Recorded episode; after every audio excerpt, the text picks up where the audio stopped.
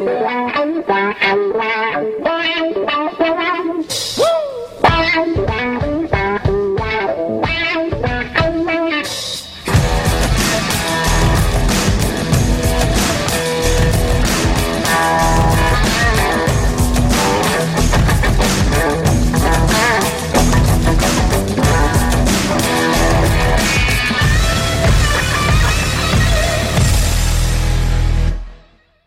Welkom allemaal bij de eerste aflevering van Eindbazen. Uh, in deze podcast gaan wij jullie kennis laten maken met mensen die iets bijzonders hebben gedaan op het gebied van sport, wetenschap, uh, maatschappelijk belang of ondernemerschap. Uh, vandaag hebben we in de studio zitten Martijn de Jong. En um, voor mij is dat een hele mooie opener, omdat Martijn de Jong naast um, mijn Brazilian Jiu-Jitsu leraar ook een goede vriend van me is. En ik ben super blij dat hij hier vandaag het spits wil komen afbijten. Um, samen met mij in de podcast hier zit Wigert Meerman. Wigert is ook Brazilian Jiu-Jitsuka. En um, ja, gezamenlijk gaan we vandaag proberen om jullie uh, kennis te laten maken met uh, Martijn de Jong. Uh, Martijn, nou, allereerst welkom. Leuk dat je er bent. Ja, ik ben heel erg blij dat ik hier mag zijn. Super. Um, ja, jij bent um, voor mensen die de vechtsport niet zo goed kennen, sta jij momenteel bekend als de persoon, ook wel als creator of champions. Je hebt een aantal mensen onder je hoede gehad en die hebben het in de vechtsport best wel ver gebracht. Ja, ja, ja, ja, dat kan je wel zeggen. Klopt, denk ik wel. ja. ja. maar wat de boel mensen niet weten is dat je zelf natuurlijk, of nou ja, de mensen die fan van de sport zijn wel, maar wat misschien de meeste mensen niet weten is dat je zelf ook wedstrijdvechter altijd bent geweest. Ja, ja. En dat je zelf ook best wel een verleden hebt in nou ja, allerlei vormen van vechtsporten. Ja. Um, kun je daar eens iets over vertellen? Nou, eigenlijk op mijn dertiende ben ik begonnen met vechtsport. En uh, als allereerste was dat uh, jiu-jitsu. En uh, dat was jiu-jitsu. Eigenlijk omdat ik... Uh, ja, ik was al een beetje geïnspireerd door de, door de, door de films op dat moment. Die uh, toen de tijd heel erg populair waren. En dan kom je met het standaard verhaal. Bruce Lee, Jean-Claude Van Damme. En de nodige ninja films die dan toen de tijd voorbij Wat kwamen. was je favoriete film toen? Weet je het nog? Kickboksen. Ja, heb ik ook veel ja. te veel gezien. Ja. Op video. veel teruggespoeld. ja, ja, ja. Dus uh, dat, dat, was echt een, uh, dat was echt natuurlijk een hype op dat moment. En uh, daarnaast was het zo dat... Um, eigenlijk ben ik zo begonnen. Ik, heb een, um, ik was een keertje in het zwembad met een aantal vriendjes. Mm. En in één keer ja, dan ben je een beetje aan het dollen en aan het spelen en in het water aan het duiken. Totdat de jongen zei van... Hey, ehm, weet je wat jongens? Proberen jullie eens een keer mij met z'n drieën aan te vallen. Ik zeg, wat bedoel je nou met z'n drieën aan te vallen? Ja, probeer me maar eens te, te, pakken te krijgen, op de grond te gooien. Of nou, probeer gewoon eens een keertje wat. Nou ja, we keken elkaar aan en denk van, nou goed, okay. wat moet hij nou, jongen? ja, ja, eentje. ja, dus uh, nou, daar gingen we natuurlijk, de een naar de ander. En vloep, en voets, en wam, en bang. En dan lagen we met z'n drie allemaal op de grond. En probeerde het weer, en hup, werden we weer gegooid. Ik zeg, hoe kan het nou, jongen? Hoe kan het nou dat jij met je, in je eentje ons drieën aan kan eigenlijk? Hij zegt, nou, ik doe jiu-jitsu. Ik zeg, meen je niet? Wat is jiu-jitsu nou weer? Goed, en uh, toen zei hij van, nou, weet je wat? Anders moet je een keertje meekomen. En zo is het eigenlijk gegroeid. Toen ben ik... Uh, jiu-jitsu gaan doen. Uh, het leuke daarvan was natuurlijk, uh, traditionele jiu-jitsu heb ik het dan over. Het leuke daarvan natuurlijk is dat je gelijk een hele brede basis hebt, waarbij je uh, natuurlijk trappen en stoten, waarbij, da waarbij dat aan bod komt, het werpen en het grondvechten. Mm -hmm. dan wel op een hele traditionele manier. Mm. Ja, goed. En zo is het eigenlijk een beetje begonnen, een aantal jaren gedaan, tweede dan gehaald uiteindelijk. Lang verhaal kort. Ehm, en toen kwam ik in aanraking met karate, Kyokushin karate, via mm. mijn ik noem het altijd mijn oom, Pierre Drachman is dat. Uh, eigenlijk kent hij mij sinds mijn geboorte. Hij is een hele goede vriend van mijn, uh, van mijn oom dan, zeg maar. Ik kom mm. altijd bij onze familie over de, over de vloer. Dus uh, hij zei een keer, nou kom een keertje mee met karate. Nou, daar ook mee verder gegaan. Allemaal heel erg interessant. Ook zwarte band gehaald. En toen kwam ik eigenlijk... Ehm, toen wilde ik wat meer. Want uh, ik was ook een beetje geïnspireerd door John Blooming, die eigenlijk ook een beetje de grondlegger in Nederland is van het Kyokushin karate, om het mm -hmm. zo maar te zeggen, of zijn eigen stijl Kyokushin Budokai, waarbij hij natuurlijk uh, zijn judo ervaring combineerde met het, uh, met het karate, het harde karate. En hij zei altijd van, oké, okay, nou, nou kan je allemaal wel die trappen en zo, maar kan je ook echt vechten? dat was eigenlijk altijd de uitspraak. Ja, nou, een leuke techniek, maar kan je ook echt vechten? En, en eigenlijk dacht ik van, ja die man heeft eigenlijk wel gelijk. Je moet allround kunnen zijn. Want als je Mhm. nou een bokser bent en iemand pak je vast... en die leg je op de grond neer, ja, en dan? Mhm. Of als je nou een judoka bent en iemand slaat je kaart op je neus... wat, wat, wat, uh, ja, wat moet je daar nou mee doen, zeg Ja, maar? iedereen heeft een plan tot hij geraakt wordt, Ja. natuurlijk. En... ehm, of vastgepakt wordt. Ja, en, eh, ja, ja. Dus, dus, en dat was eigenlijk een beetje van, eh, nou goed, dat, dat, dat bleef wel eigenlijk een beetje bij mij doorspelen. En ik, ik wilde eigenlijk meer de competitiekant op. Karate heb ik dan een aantal wedstrijden ook gedaan. En eh, toen kwam ik hier iemand bij me en die zei van... hé, hey, er zijn ook jiu-jitsu-wedstrijden. eh, semi-contact dan wel, maar eh, Mhm. waarbij je dus mag trappen, stoten, werpen en grondvechten. Want voor de mensen die het niet weten, Kyokushinkai is full contact karate. Wat betekent dat je vol op het gelaat mocht stoten of trappen? Nee, eh Kyokushinkai heb je twee verschillende vormen. Je hebt daar het semi-contact in en je Mhm. hebt daar het full contact in. Het semi-contact mag je op het gezicht slaan, alleen wel eh beheerst. Dus je moet terugtrekken. Toucheren. Toucheren. eh, Toucheren. ja, nou, ik heb de nodige bloedneus. Eh, en, eh, getoucheerd, ja. heb ik gezien. Mag je ook op het hoofd trappen. eh, geen low kicks. wel op het lichaam trappen en stoten. Mhm. En dan heb je de full contact versie, waarbij je dus niet op het hoofd mag slaan, maar wel op het lichaam mag stoten. En op het hoofd mag trappen en knieën. Mhm. Eh, en ook low kicks zijn daar toegestaan. Zonder kniebeschermers, zonder scheenbeschermers. Ja, ja, dat is vrij, Dat eh, is vrij pittig. vorm. Ja, Ja. ja. ja, Ehm, Toch een van de weinige zwarte banden, vind ik, die samen met BJJ nog echt een waarde heeft, weet je wel. Als je het een heel commercieel systeem zet, maar Ja. gewoon een Kyokushinkai, dan weet je ook wel dat het gewoon een taaie gozer wordt. En, eh, als je, want je staat eigenlijk gewoon, het is ook super, eh, het- ik vind het echt een, eh, het is een contactsport die gewoon, waar je letterlijk nog een halve meter op elkaar staat te beuken en te hakken en Mhm. te knieën. En eh, ik heb ook eens die wedstrijden gezien van, Ja. eh, van Gerard Cordeau, die dan nog een keerje zijn, eh, de EK's organiseerde. Dat gewoon letterlijk mensen even langs de kant gingen, hun bitje eruit pakten, twee tanden eruit vloekten, bitje weer in en weer terug gingen. Ja. Ja, ja. guys. Budo Spirit. ja, dat zijn echt, eh, dat zijn echt de taaie, taaie mannen onder de, onder de vechtsporters. Ik heb toevallig nou ook een hele goede jongen uit het Kyokushin. Dat is wel leuk dat het weer aantrekt. Ja. Eh, Marcin Pragnio is een Poolse jongen. Twee keer Pools kampioen Kyokushin. Tweede van Europa ook, full contact. De beste 16 van de wereld. En je merkt gelijk dat die spirit... Ja, dat eh, als je op dat niveau opereert in het Kyokushinkai... dan weet je al van nou... eh, Heb je wel een paar tikken voor je hoofd ja, waarschijnlijk. ja, en eh dan kan je ze ook wel nemen. Dus ja, daar kan je er wel mee omgaan. En dan merk je ook gelijk in die hele spirit. Dat Ja. hele... Ja, Helder. never give up. Maar daar kwam jij dus in aanraking met... Ja, en toen dus eigenlijk ben een beetje die competitievorm gegaan. Toen hoorde ik dat er wedstrijden waren. En nou ja, goed, ik deed vrij goed in het, in, in het karate toen de tijd. En het jiu-jitsu, dat ging me ook redelijk af. Toen hoorde ik dat er nationale trainingen waren. Hm. In uh, Nieuwegein was dat volgens mij ook. Had je de bonds, eh, eh, waar die bondstrainingen van het jiu-jitsu. En daar kwam ik eigenlijk Remco Pardoel tegen. Die eh, was al een aantal keer Nederlands kampioen, Europees kampioen volgens mij ook. En eh dit was een van de eerste die al aan de kooigevechten, de enge kooigevechten in, De eh, in Amerika ja, had precies. meegedaan in de UFC. Gruwelijk allemaal. Ja, en eh, ondanks dat ik natuurlijk nog niet zo ontwikkeld was, ik was toen nog jong, ik denk, ik schat dat ik een jaartje of 19, 20 was, ah, zag hij wel aan mij dat ik een, voor, mijn, eh, gevoel, voor zijn gevoel wel een aardige fighting spirit had. Mhm. Dus hij zei van, nou, eh, ik- je doet het hartstikke leuk hier en eh, je bent, komt hier nou voor de eerste keer, maar ja, ik wist ook niet wie wie was, dus ik ging gewoon... eh, Je ging met iedereen op de vuist. gewoon, ja, ja, ja, ja, dus ik, ja.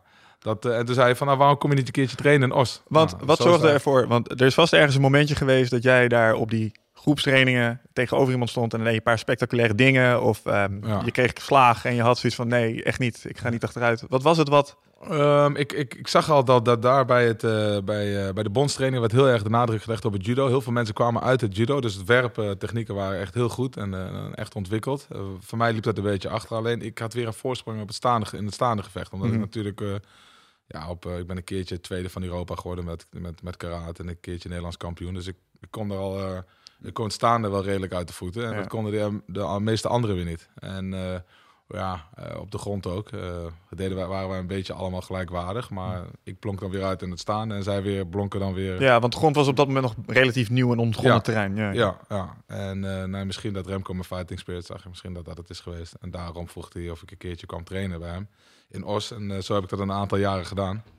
Dat is eigenlijk de bakermat geweest voor een hele hoop eh, huidige vechtsporters van vandaag. Waar het eerste groepje... Ja, Ik kan me moeilijk voorstellen hoe dat, eh, hoe dat toen ging, zeg maar. Want eh, je had echt de eerste generatie die eh, eh, Remco, eh, die ik natuurlijk goed ken omdat hij eh, mijn trainer is. Mhm. Eh, Remco die had verloren van Royce Gracie in Amerika. En daar dacht van nou, de Braziliaanse jiu-jitsu misschien nog helemaal niet zo slecht om daar eens wat mee te gaan. en ehm, eh, dat gewoon zelf eens gaan proberen. Onder andere met jullie, weet je wel. Met seminars over te halen. En eh, weet je, ik heb, ik heb veel seminars gehad vroeger. Waar, waar de technieken van vandaag, het, het, het is zo hard gegaan. En Mm. het zou zo anders zijn. Dus ik kan me niet eens voorstellen. Want ik ben, toen ik een jaar of dertien was, ben ik bij Remco gekomen. Misschien net daarvoor. Maar volgens mij was jij nog, nog een lichting daarvoor, zeg maar. ja, ja. Dus hoe, hoe waren die eerste trainingen? Hoe ging dat? Wat, wat, een, het groepje waarmee je was en Ja, toen de tijd eh, eh, waren, er was natuurlijk Remco Padoel dan, Mathieu Peters zat er toen.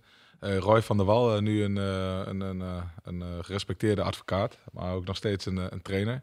Die, eh, die, had, die had toen een hele sterke judo-achtergrond. Zat bij mij op school, eh, op, de, eh, op, de op HBO eh, in, in Enschede. Op de HO in Enschede. En eh, die heb ik toen een keertje gevraagd of hij mee wilde gaan ook naar, eh, naar Os. We kenden elkaar van, van school, zeg maar. We raakten aan de praat. Zeg, nou ja, goed. eh, Mhm. hij was wel echt, eh, hij deed hartstikke goed in judo. Waarom kom je niet een keer mee? Dus hij was daar ook een van de eerste. Dan had je Max Leidekker, die kwam uit het Kyokushinkai. Uiteindelijk zijn eigen sportschool ook opgezet. Ehm Fidel Serradia, een Spaanse jongen ook uit Os. Ook een van de eerste die het free fight toen de tijd, zo heette dat toen nog, in Nederland beoefende. Ja. En eh, ja, zo had je een aantal jongens. Rinaldo liep daar in de rond. Eh, je had toen Maurice Romimper, die eh, ook een, een, een um, jiu-jitsu jongen die ook met de nationale, volgens mij zat hij in het nationale team ook van, van jiu-jitsu toen de tijd. En hij was een van de eerste die toen Shuto in, in Japan ging vechten. Mhm. Vanuit Remco's contacten. En ja, dat waren, die, die werden dan allemaal bij elkaar gestopt. En ehm, ja, die gingen dan knokken met elkaar. Want En, eigenlijk kan je het gewoon zien als een, als een stelletje jonge honden die Ja. allemaal maar ook wat probeerden op de grond en Ja. gewoon. eh, En ze willen natuurlijk allemaal baasjes zijn en Ja. allemaal winnen. Ja, ja, maar het kwam allemaal dus vanuit het judo, jiu-jitsu, karate, taekwondo, kickboksen. Alles eh, brachten we bij elkaar en we deelden de, de kennis die we al hadden. Ja. Eh, Remco, die, eh, die natuurlijk om zich heen aan het kijken was. Die ook al vanaf jongs af aan natuurlijk met die sport bezig was. Eh, eh, doorgegeven vanuit zijn vader. Ja, ik bedoel, eh, zijn vader was, eh, eh, is nu een paar jaar geleden overleden, maar wel echt gewoon iemand die de hoogste eh, dan taekwondo voor Ja. een, voor die een Europeaan volgens mij ooit gehaald heeft. Ja, klopt. Maar hoe ging dat eh, tijdens die lessen dan? Want voor mensen die het niet weten, Braziliaans Jiu-Jitsu kenmerkt zich met name door het grondgevecht heel Ja. goed te beheersen. Eh, Ja. Was dat voor jullie direct evident van, oh, maar wacht eens even, dit is een hele nieuwe wereld en dit gaat het spel echt veranderen. Ja. Toen je daar voor de eerste keer mee in aanraking kwam. Ehm, voor mij wel in eerste instantie, want ik kwam daar binnen en ik dacht dat ik al hartstikke goed was. En ik, had, eh, ik was al Nederlands kampioen een keer geweest met karate en ik, eh, met, die, eh, die trainingen daar met het, met het bondsteam, dat, dat ging ook al vrij goed. En op de grond nou, kon ik me redelijk redden. Totdat ik daar eh, mee ging doen, en dan moest ik in één keer afkloppen voor jongens met een oranje band en een groene, groene band, terwijl ik zwarte band jiu-jitsu al was. En Mhm. karate Want ook. bij het normale Jiu-Jitsu doe je ook een stuk grondgevecht. Ja, daar heb je ook Ja. een stuk grondgevecht, maar dat is nog niet zo uitontwikkeld. En eh, voornamelijk eh, snelle technieken, Mhm. eh, vanuit een worp in één keer een techniek inzetten. En, Ja. en niet echt eh, het grondgevecht zoals dat we het nu kennen. Mhm. Dus eh, ja, daar schrok ik eigenlijk wel van. En ehm, daar irriteerde ik me eigenlijk ook wel aan. En eh, als ik me daar aan irriteer, dan wil ik daar beter in worden. Want dat, eh, anders kan ik er niet mee leven. Nou, en toen ben ik me daarop gaan concentreren natuurlijk. Ook een uh, inhaalslag gemaakt. En al snel begreep ik, omdat het is eigenlijk een vrij makkelijk systeem. En Remco die, die, die, die legde het heel duidelijk uit. Van het is een heel simpel systeem op de grond. En op het moment dat je, als je deze stappen volgt, dan krijg je in één keer een hele snelle, hele snelle groei kan maken. Met en die stappen woorden, die zijn nog steeds geldig? Nou ja, met andere woorden, oké, okay, heel, heel plat gezegd. Je hebt uh, een, een aanvallende basispositie op de grond, dat is dan de mount-positie. En je hebt een verdedigende basispositie op de grond, dat is een guard-positie. Dus mm -hmm. als je bovenop komt, probeer je naar de mount te gaan. Als je onderop komt, probeer je naar de guard terug te gaan. En dat was eigenlijk een beetje de basis. Ja. En dat is natuurlijk nog steeds wel. Uh, wat dat betreft is ja. er weinig veranderd. Je hebt heel veel tussenposities en heel veel verschillende technieken, verschillende submissions. Maar uiteindelijk komt het daarop, uh, komt het daarop neer. Ja. Basis, noemen ze dat. Basis, ja. terug naar de basis. Ja, ja. ja. Eerst het fundament uitzetten, dan pas voor de submissions werken. ja, precies. Ik weet het nog. Ja. Helder. Leuk. Uh, maar vanuit, uh, zeg maar, toen had je die Braziliaanse jiu ervaring, daar, daar, kwam je mee in aanraking. Mm -hmm. uh, en vervolgens ben je daar ook mee aan de slag gegaan natuurlijk in ja. Ja, wedstrijdvormen. Ja, ja eerst natuurlijk de Braziliaanse jiu wedstrijden, de grappling wedstrijden. En later vroeg Remco een keer van, nou jongens, er is een mogelijkheid om in Japan een wedstrijd te doen. En dat noemen ze daar Valetudo. Oké. Okay. Oké, okay. ja. nu zou je het googlen. Ja. ja. Wij zo, oké, okay, nou ja, dat is leuk. Japan. Kon, kon, kon je Japan. Spaans? Wist je wat het betekende? nee, betekent dat alles mag? Ja, Portugees, ja, Portugees, ja. Portugees, ja. Ja, alles Valetudo. Okay. Anything goes. Anything goes. En uh, dus uh, ja, dat was natuurlijk wel hartstikke leuk. Alleen mijn ouders, ja, die vonden het natuurlijk niet zo leuk. En uh, ik denk, ja, hoe moet ik dat nou verkopen thuis? Als ik ga zeggen dat daar, ik heb natuurlijk een beetje onderzoek gedaan. Als ik ga vertellen dat daar dat alles mag, dan, ja, dan wordt het een moeilijk verhaal, denk ik. Maar, dit was ik wel... Japan, maar ik wil heel graag naar Japan toe eigenlijk. Want daar is natuurlijk waar het ja. allemaal begonnen is. Ja, vet. Ja. Ik vind en, dat wel grappig, bijvoorbeeld, om er even op in te haken, dat Remco die vertelde mij dat ook toen hij voor de eerste UFC, toen hij zich opgaf, dat hij dat gewoon letterlijk uit een boekje wat hij in een vechtsportblad zag, dat ja. hij zich daar heeft opgegeven. Ja, zo, waar geef je jezelf voor op? Om zelf met 16 man in een kooi te staan, waar die kooi op slot gaat en je mag gaan doen laten wat ja, je wil, weet je ja, ja, ja. Ja, en die eerste UFC's die waren ook echt brut. Ja. In de zin van regels. Maar goed, dat, had, dat had je al in je achterhoofd. Ik bedoel, want die tijd Ja. was al voorbij toen. Ja, ja, want dat was eigenlijk vla- vlak daarna, eh 1996, 96 was volgens mij, eh, ja. Toen, eh, toen gingen, gingen we die kant op. Ehm, Wie is we? Eh, dat was toen eh, Roy van der Wal. Ehm, die vocht toen. Max Leidekker vocht toen. Vidal vocht toen. Ehm, hadden we Patrick Dappers vocht toen. En eh, Jerry. even zijn achternaam eventjes kwijt. En ik zeg te gek. Dus met z'n zessen waren we. Ja, zes Nederlanders tegen zes Japanners. En dat was dan Nederland tegen Japan. En eh, Klinkt bijna als best of the best, man. ja, ja, ja, ja, ja. Hoe heet je Dus, dat ook? De Koede... koede Comité. De comité. Ja, de comité. 100 man comité. Ja, en dan we hadden eh, via een, eh, een Japanse meneer in Nederland, eh, Mr. Bunko Endo, die had dan... Dat is die fotograaf, toch? die is Die fotograaf, voor, ja. En die had het contact geregeld. Ja. En dan kregen we foto's van die mannen te zien in een Japans blad. En daar moest je het mee doen. Nu ga je op internet kijken, als wedstrijden, Ja. eh, YouTube filmpjes. ja, YouTube filmpjes. En dat was natuurlijk toen helemaal niet. Ehm, ja, toen zagen we een, een foto in een Japans blad en daar moest je het mee doen.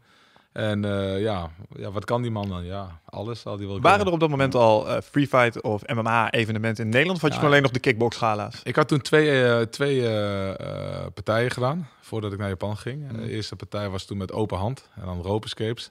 En dat was toen in een ring van 4 bij 4 Dus als die jongen in het midden ging liggen en die deed zo, dan raakte hij bij de, bij de touwen aan Een alle soort eh Kyokushin-wedstrijd al. ja, Dat is op ja, elkaar. ah, ja. Dus eh, nou, die had ik, de eerste twee die had ik gewonnen. Ehm, en toen ging ik naar Japan eh, samen met de hele groep. En eh, dat was natuurlijk wel een hele ervaring. Ja, dat kan ik me voorstellen. Ik weet nog dat mijn moeder tegen me zei van... ik vond het zo raar, hè. Toen die wedstrijd, of de, op de dag van de wedstrijd... kwamen allemaal van die jongens aan de deur. En die gingen allemaal aanbellen en die vroegen van... Is Martijn al geweest? heeft, heeft hij al gebeld? En nou, heeft dit nou... eh? Ja. wat, wat is er nou eigenlijk aan de hand? Want ik had tegen mijn ouders gezegd dat ik een jiu-jitsu-wedstrijd ging doen. In- Ja, in- een hele belangrijke jiu-jitsu-wedstrijd. Ja, en in jiu-jitsu mag je ook trappen, stoten en werpen en Ja, op de dat is grond waar. vechten. Dus, Heb je er eh, ook nog jiu-jitsu bij gebruikt in je partij? Want hoe is het gegaan? Ehm, ik moest toen tegen mijn eh, uiteindelijk hele goede vriend geworden, meneer Taro Obata. En ehm, ja, eh, we begonnen staande. Ik probeerde hem een, een, trap, een paar trappen en een paar stoten te geven. En hij shootte mij gelijk. Mhm. Ik kantelde hem gelijk door. Eh, ik zat in de mount. Schrok ik eigenlijk wel van. Ik denk, hé, hey, ik zit in de mount. Holy shit. Dat ging Ja. al vrij snel. En eh, dat had ik eigenlijk niet verwacht. En toen kantelde hij mij weer. En toen probeerde hij mij te stoten vanuit, eh, vanuit mijn guard. En toen eh, legde ik hem gelijk in de armklem. En het was al vrij snel. Had ik eh, gewonnen. Eerste ronde, 2,5 minuten of zoiets eigenlijk. Dus gewoon echt met je Brazilian jiu-jitsu. Was Ja. dat een beetje een... eh, want ik, heb, ik ken hetzelfde verhaal van, eh, van Remco. En die beschreef het echt een beetje als een... ja, als een soort shockwave die ze daar even teweeg hadden gebracht. Want de Nederlanders Ja. die in één keer met 6 6-1 of zo hadden jullie... eh, eh, was het beslist uiteindelijk? Of in ieder geval... eh, het was in ieder geval niet zo gegaan als ze daar hadden gedacht dat het zou gaan. Ja, nee, nee. We hadden, volgens mij was het eh 3 om 3 geworden, als ik het goed heb. Oké. Want Roy van der Wal had op knockout gewonnen.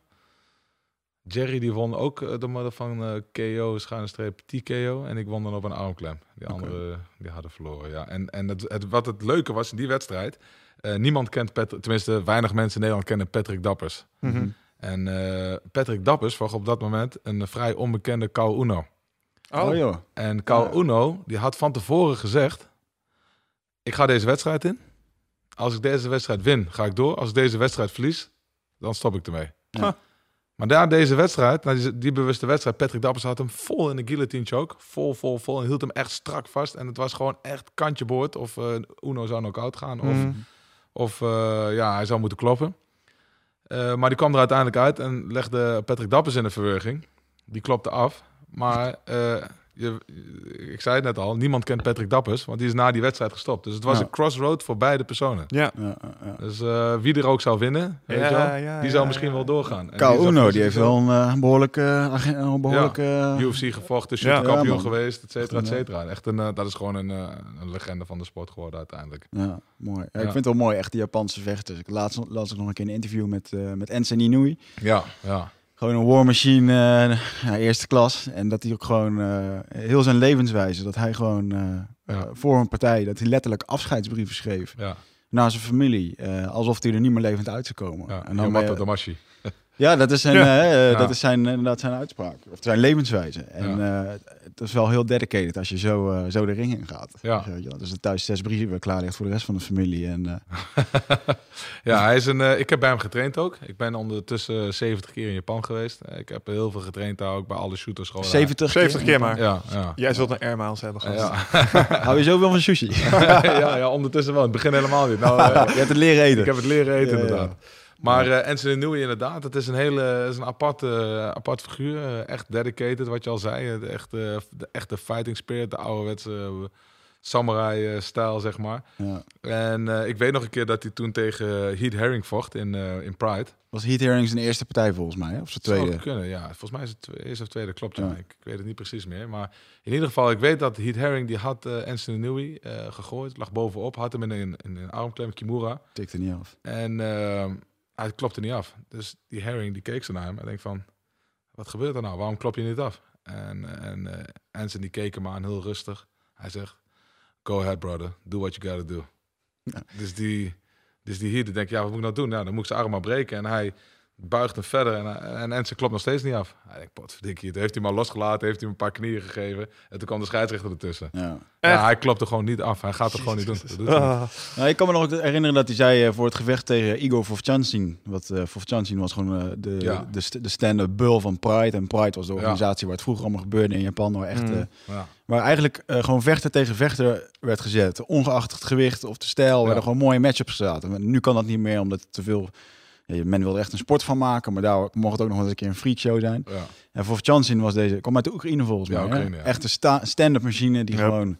Ja, die had ook een bepaalde manier van stoten. eh ook wel eens een, wel een kickbox achtergrond, maar het was echt gewoon een machine, knockout machine. En eh eh Overhand Ensign zei ook in, dat, in het interview, hij zegt voor mij was de uitdaging om gewoon eh, toe-to-toe staand met hem te gaan en gewoon swinging for it. en eh, dat heeft hij ook al gedaan en geweten ook, denk ik. Ja, Want, eh, ja. eh, maar goed, dat was zijn overwinning. Hij zegt, ik heb die partij niet verloren. Hij zegt, voor Ja. mij heb ik het echt gewonnen. En, Ja, hij heeft ook niet opgegeven. Hij heeft wel verloren, maar niet opgegeven. maar daar heeft hij wel echt een. en die pakken sla. De, ja, die Japanners die wilden ze nog wel eens een keertje redden door, een, door niet in te grijpen. Ja, Maar die heeft daar wel echt een flink pak slaag gehad. eh. ja. dat ja. was ook niet, fysiek niet meer helemaal gezond. Ja. was ook zo'n partij tussen hem en Frank Shamrock toen de tijd. Die uh, Anthony nu was ook een, een, eh, echt een heftige partij. Ja. Eh, maar Het, even terug naar die, eh, als je kijkt naar die, die, eh, die Pride-tijd, want het doet mij ook wel een beetje denken. Je hebt eigenlijk aan het eh, begin van de eh, Nederlandse bakermat gestaan met, de- met Free Fighters. En op een gegeven moment, eh, ik denk de tweede impuls die er kwam ehm, in Nederland was Golden Glory. Ja. En eh, ik, heb, eh, ik trainde toen wel heel actief bij Remco. En eh, ik ervaarde daar wel echt een soort van nieuwe energie. Want iedereen gewoon fucking hyped omdat dit ging gebeuren. Het werd eindelijk een keer gestructureerd, georganiseerd. En Ja. er zat wat geld achter. Alle beste jongens bij elkaar verzameld. Ja. En die in een team gezet. En ik Ja. denk dat dat op dat niveau ook niet meer is gebeurd hierna in Nee, Nederland. nee, nee. Eh, hoe heb je dat ervaren? Heel die begin daarvan. Heel het begin van Golden Glory. Ja, het was natuurlijk inderdaad was het, het was het begin. Ik was zelf nog actief als wedstrijdvechter. En ehm, ik werd daar toen door gevraagd. eh, als eh, eigenlijk, eh, er waren zes mensen die, dat, eh, die aan de bakermat stonden. Zes vechters eh, heb ik het dan over. Dat, was, eh, dat waren Vanert en Alice eroverheen. Dat was eh, Sam Schild, Mhm. Heath Herring, Gilbert Eiffel, wat eigenlijk een beetje mee begonnen is. Ja. Eh, en ik, zeg maar. En dat waren de eerste zes. En die kwamen bij elkaar en die gingen met elkaar trainen in één keer. En eh, ja, eh, die gingen informatie uitwisselen. eh, werd op een heel hoog niveau en, en, en professioneel niveau werd er gehandeld. Management zat goed in elkaar. Contacten met de grootste organisaties. Ook niet bang om een, eh, om een nulletje meer of minder te vragen. Eigenlijk Ja. een nulletje meer te vragen. Ja, Eh, tuurlijk. ja, dus ja, dat was in één keer heel, heel apart. Dat was heel nieuw. Ook zeg maar een pioniersbedrijf in Europa. Als we dan kijken naar de vechtsport. En, Ja. Dan hebben we het over, eh, in eerste instantie was het MMA. Maar later kwamen er natuurlijk veel meer mensen bij. Zoals Ilonka kwam daarbij. Er kwamen, Ja. ja, ja Galit Arab kwam daarbij. Stefan Leko. Fatih eh, Kokamis. Fatih kwam daarbij, eh Murat Junkayev. ehm, Ja. ja. er kwam een hele, hele groep bij, maar ook kickboxers eh, later. En ehm, ja, dat, dat werd in één keer een, een kickbox en, en, en mixed martial arts eh eh, talent pool. Met eh, goede managers daarop. Want ik denk voor degene die, eh, die geen weten hebben over Golden Glory, dan eh, raad ik je aan om een keer. eh, we zullen het in ieder geval bij ons op de website zetten. Maar er is toen een highlight filmpje gemaakt Ja. met, eh, van Limp Bizkit en de. Golden Glory Ja. highlight. En damn, dat is toch wel een van de vetste Altijd als ik dat nummer hoor nog, krijg ik nog kippenvel, omdat die beelden er weer bij mijn hoofd Ja. zitten. Alle vechters werden daarin voorgesteld toen ik zat toen in de zaal, zeg maar. Het was in waar waren we toen? Rotterdam? Ja, Ahoy, denk ik. Ahoy, ja. ja. Kwam het voor de eerste keer op de schermen. Dat werd ook een paar keer getoond, dat filmpje. En Ja. zo, holy shit. Dit Ja. Ik kan me goed herinneren dat het gewoon, eh, het werd inderdaad gewoon professioneel aangepakt. Ik bedoel, eh, er werden in één keer eh, sportscholen werden bezocht, er werden emblemen opgeplakt, van die houten borden, Golden Glory gyms en er werd echt een, een groepsgevoel werd er, werd er Ja. gekweekt. Ja, En ik denk dat er ook, eh, wat een hele sterke factor daarin was, dat op een gegeven moment ook, eh, dat er eindelijk een managementorganisatie was die ook eh, zelf de gala's organiseerde. Om hun eigen vechters te bouwen en te creëren, de trainers eromheen. Ja. En ik denk, ja, voor degenen die toen al aanwezig waren of zich een beetje focusten op de, op de huidige MMA zien, dat het eh Tool to Handle gala in Rotterdam, Ja. Too Hot to Handle heet Sim- het. eh, simpel, simply the best toen. Ja. Simply the best, ja. Ja. Wat is echt een dik gala met, eh Ja. eh, Met echt Brazilianen, Russen, de beste Nederlanders. Roman En, Dekkers. Roman Dekkers vocht er ook, ja. Ja, ja, ja, dat was- En Esther Hoos vocht toen nog, Gilbert Eiffel, Alistair Valentijn. En eh, eh, ja, iedereen van eh, die, we- die zeg maar op dat moment eh, iets voorstelde. Vooral in Nederland, maar dan ook eh, gewoon internationale goede tegenstanders. Ja, want ik kan me herinneren dat jij daar een Braziliaanse neus eh, de andere kant op. eh, Ja, ja, ja. ja, ja. Kan je eens beschrijven hoe die partij ging? Want het is echt wel een, di- een dikke partij om te zien. En toevallig hebben wij hem gisteren nog even doorgekeken hè, op, de, op, eh, op internet. En, Ja, eh, tegen Tullio, wel, Tulio Polaris, ja. ja. ja. dat was een Braziliaanse jongen. Ehm, eerste keer had ik, eh, de allereerste keer dat ik op Hard to Handle vocht, dat was toen tegen Pelé. Eh, op dat moment was dat mijn zesde partij. En eh, zijn 30ste of 35ste partij was nummer 1 op de wereld. Ja, en ik eh, kwam daar eigenlijk kijken. mhm. Eh, Rodney van Veres had eerder tegen hem gestaan. En eh Rodney Glunder ondertussen. Maar die had, eh, die had die wedstrijd verloren. En eh, nou, dus ze waren op zoek naar een andere, eh, een jongen die tegen hem kon vechten. Dus ik werd gevraagd. Ik zeg, nou, eh, kijk, wil jij niet eh, op, in Ahoy vechten? Ik zeg, ja, ik wil heel graag in Ahoy vechten. Tegen Oké, wie? Tegen wie? Ja, tegen Pelé. Ah, Ik zeg, heb je niemand anders? Nou, nou, ik ga eens even kijken, zei uh, Appie Echtel toen de tijd die de matchmaking deed. Hm. Dus eh, ik hoorde twee, drie dagen niks. Ik denk, laat ik Appie eens bellen. Ik zeg, Appie, en eh, heb je nog iemand kunnen vinden? Nee, nee, het wordt of Pelé of, het, eh, ja, of je gaat niet vechten nou. God damn it. Ah, ja, uiteindelijk heb ik het gedaan. Ehm het was eigenlijk afgesproken van tevoren eh, of submission of knockout of eh, draw. Eh, team, één ronde van 10 minuten. Die, die vochten we toen uit. Dus het was eigenlijk een draw. Werd ook omgeroepen door, eh, Ja. door eh, helaas onlangs overleden Dennis de Prete. Die was toen ring announcer. Mm. Ja. Iets van een paar weken terug inderdaad. Ja, ja. Ja, ja, ja, verschrikkelijk. En eh, uiteindelijk, ehm, toen ging de manager van hem, Frederike Lapenda toen de tijd, de, de manager van Pelé, die ging toen een heleboel standards maken bij de jury. En eh Ja. omdat Pelé natuurlijk een hele gevestigde naam was, eh, stond nummer 1 gerankt. En uiteindelijk heb ik die partij dan, zei ze van, oh, oh nee, eh, de partij, eh, eh, de, de uitslag wordt veranderd, eh Pelé gewonnen op punten. Dus, eh, Ja. Hm. nou, toen kwam dus het tweede evenement. Too Hard to Handle, Simply the Best. Werd gelijk nog professioneler aangepast, eh, gepakt. Eh, de beste mensen daarachter, goed georganiseerd. Eh, volgens mij binnen een paar weken uitverkocht. Ja. Helemaal vol. Een goede band, de beste vechters. alles liep op rolletjes. En dat was echt wel een, een, een, Ja. een echt, het eerste echte professionele evenement in Nederland. Ehm, ik heb daar toen gevochten tegen Tulio Palares, was een Braziliaan. Ze waren toen aan het kijken, de matchmakers, eh, volgens mij was het een Appie, Ron Nikvist, eh, Mark de Weert, een heel groepje mensen bij elkaar. Die waren toen aan het kijken of ik nog tegen Ton Diego Poeder kon vechten. Dat wilde ik natuurlijk heel graag. Dat Renzo dat- Gracie, die naam heb ik Renzo Gracie, ja, dat die weet ik hebben ze ook nog gevraagd. Renzo had ik trouwens, eh, hadden we trouwens ontmoet eh, de eerste keer dat we in Japan waren samen met Remco, Ja. waar we het net over gehad hebben. Hm. En eh, ja, nou goed. eh, Was dat heb- ook eh, het moment waar jullie eh, tijgertje in Disneyland Ja, uitgechoked ja. hebben? Ja, Jullie hebben wat gedaan? tijgertje in Disneyland. Oh, dan zijn de nodige kinderen getraumatiseerd. ja, in een verheuging gelegd en een uh, polsklem tegelijkertijd. Lachen. Ja, ja, dat was die tijd. Polsklem ook nog. ja, Renzo Gracie, ja goed, ehm, eh, dat het voorgesteld. Die wilde ik eigenlijk... Ik heb heel veel respect. eh, toen de tijd had ik al heel veel respect voor, eh, voor Renzo. Nu nog steeds. is een goede vriend van me geworden ondertussen. Maar eh, ja, als iemand vraagt of je tegen de beste van de wereld kan vechten, dan, dan doe je dat uiteraard. Mhm. Ja. Is toen niet, eh, is toen niet doorgegaan helaas. Had hij vast ook wel begrepen, denk ik. ja, Carlos Newton was toen, wat, eh, werd toen nog geopperd. Wilde ik ook tegen. Ook niet doorgaan. En toen kwamen ze uiteindelijk met uh, Tulio Polaris. Een redelijk onbekende Braziliaan toen de tijd. Mhm. En eh, ja, maar bleek wel een goede vechter te zijn. Ja, ja, dat was een taai rakker, ja. ja. Dus eh, daarna speelde nog wat anders. Ik eh, herinner me nog dat ik naar de ring toe liep. En toen de tijd was het nog niet zoals dat het nu is. Iedereen aan het roken, zelfs mensen die aan het blowen waren Ja, rondom de ring. Dus ik kwam binnen. Ik zeg, ah, ik krijg bijna geen adem meer. Ik zeg, water jongens, water. Nou, we begonnen met het gevecht. En ehm, hij was goed, hij was sterk, gooide mij makkelijk. En ik wist in het begin eigenlijk niet helemaal wat ik ermee aan moest. Totdat ik ook nog eens een keer, uh, totdat ik hem bijna in de beenklem had. hij counterde, die kwam bovenop in de mount eigenlijk. En een ermee, verwerging vanaf de mount. En uh, waar, waarop ik bijna oud ging eigenlijk. Je moest even aan de bak doen, ja. ja dat was duidelijk. Ik weet nog dat ik, uh, dat ik onderop lag. Uh, nadat ik die beenklem had geprobeerd. En hij kwam bovenop en hij legde me in die verwerging. En ik mm. herinner me nog dat, ik, dat het steeds zwarter werd voor mijn ogen. Het luikje ging rustig aan, zo een beetje dicht. en ik hoorde mensen schreeuwen. Oh. Dat ging een beetje zo in slow motion. Dus ik dacht, toen dacht ik bij mezelf, nee, ik ga echt niet verliezen in Nederland. Voor mijn eigen publiek, in en uitverkocht Ahoy. Nou, dat gaat niet gebeuren. Dus toen heb ik eigenlijk op een soort van... Uh, ja, is die oerkracht in me is Primal instinct. Ja. ja. niet dat het allemaal zo technisch was, maar ik kwam in ieder geval, ik kon hem kantelen, ik kwam los. En toen, uh, dat mocht toen, er waren de regels, toen heb ik hem gelijk maar een keertje in zijn gezicht getrapt inderdaad. Toch nog zo eventjes. Uh, ja, ja, ja, zal hem leren. Het was een van de weinige keren in Nederland dat dat nog mocht. Want er waren eerst die stomme ringsregels, waarin eigenlijk een kickboxer gewoon uh, verkapt iedere keer een touwtje mocht vastpakken en dan mochten ze weer staan. Rope escapes.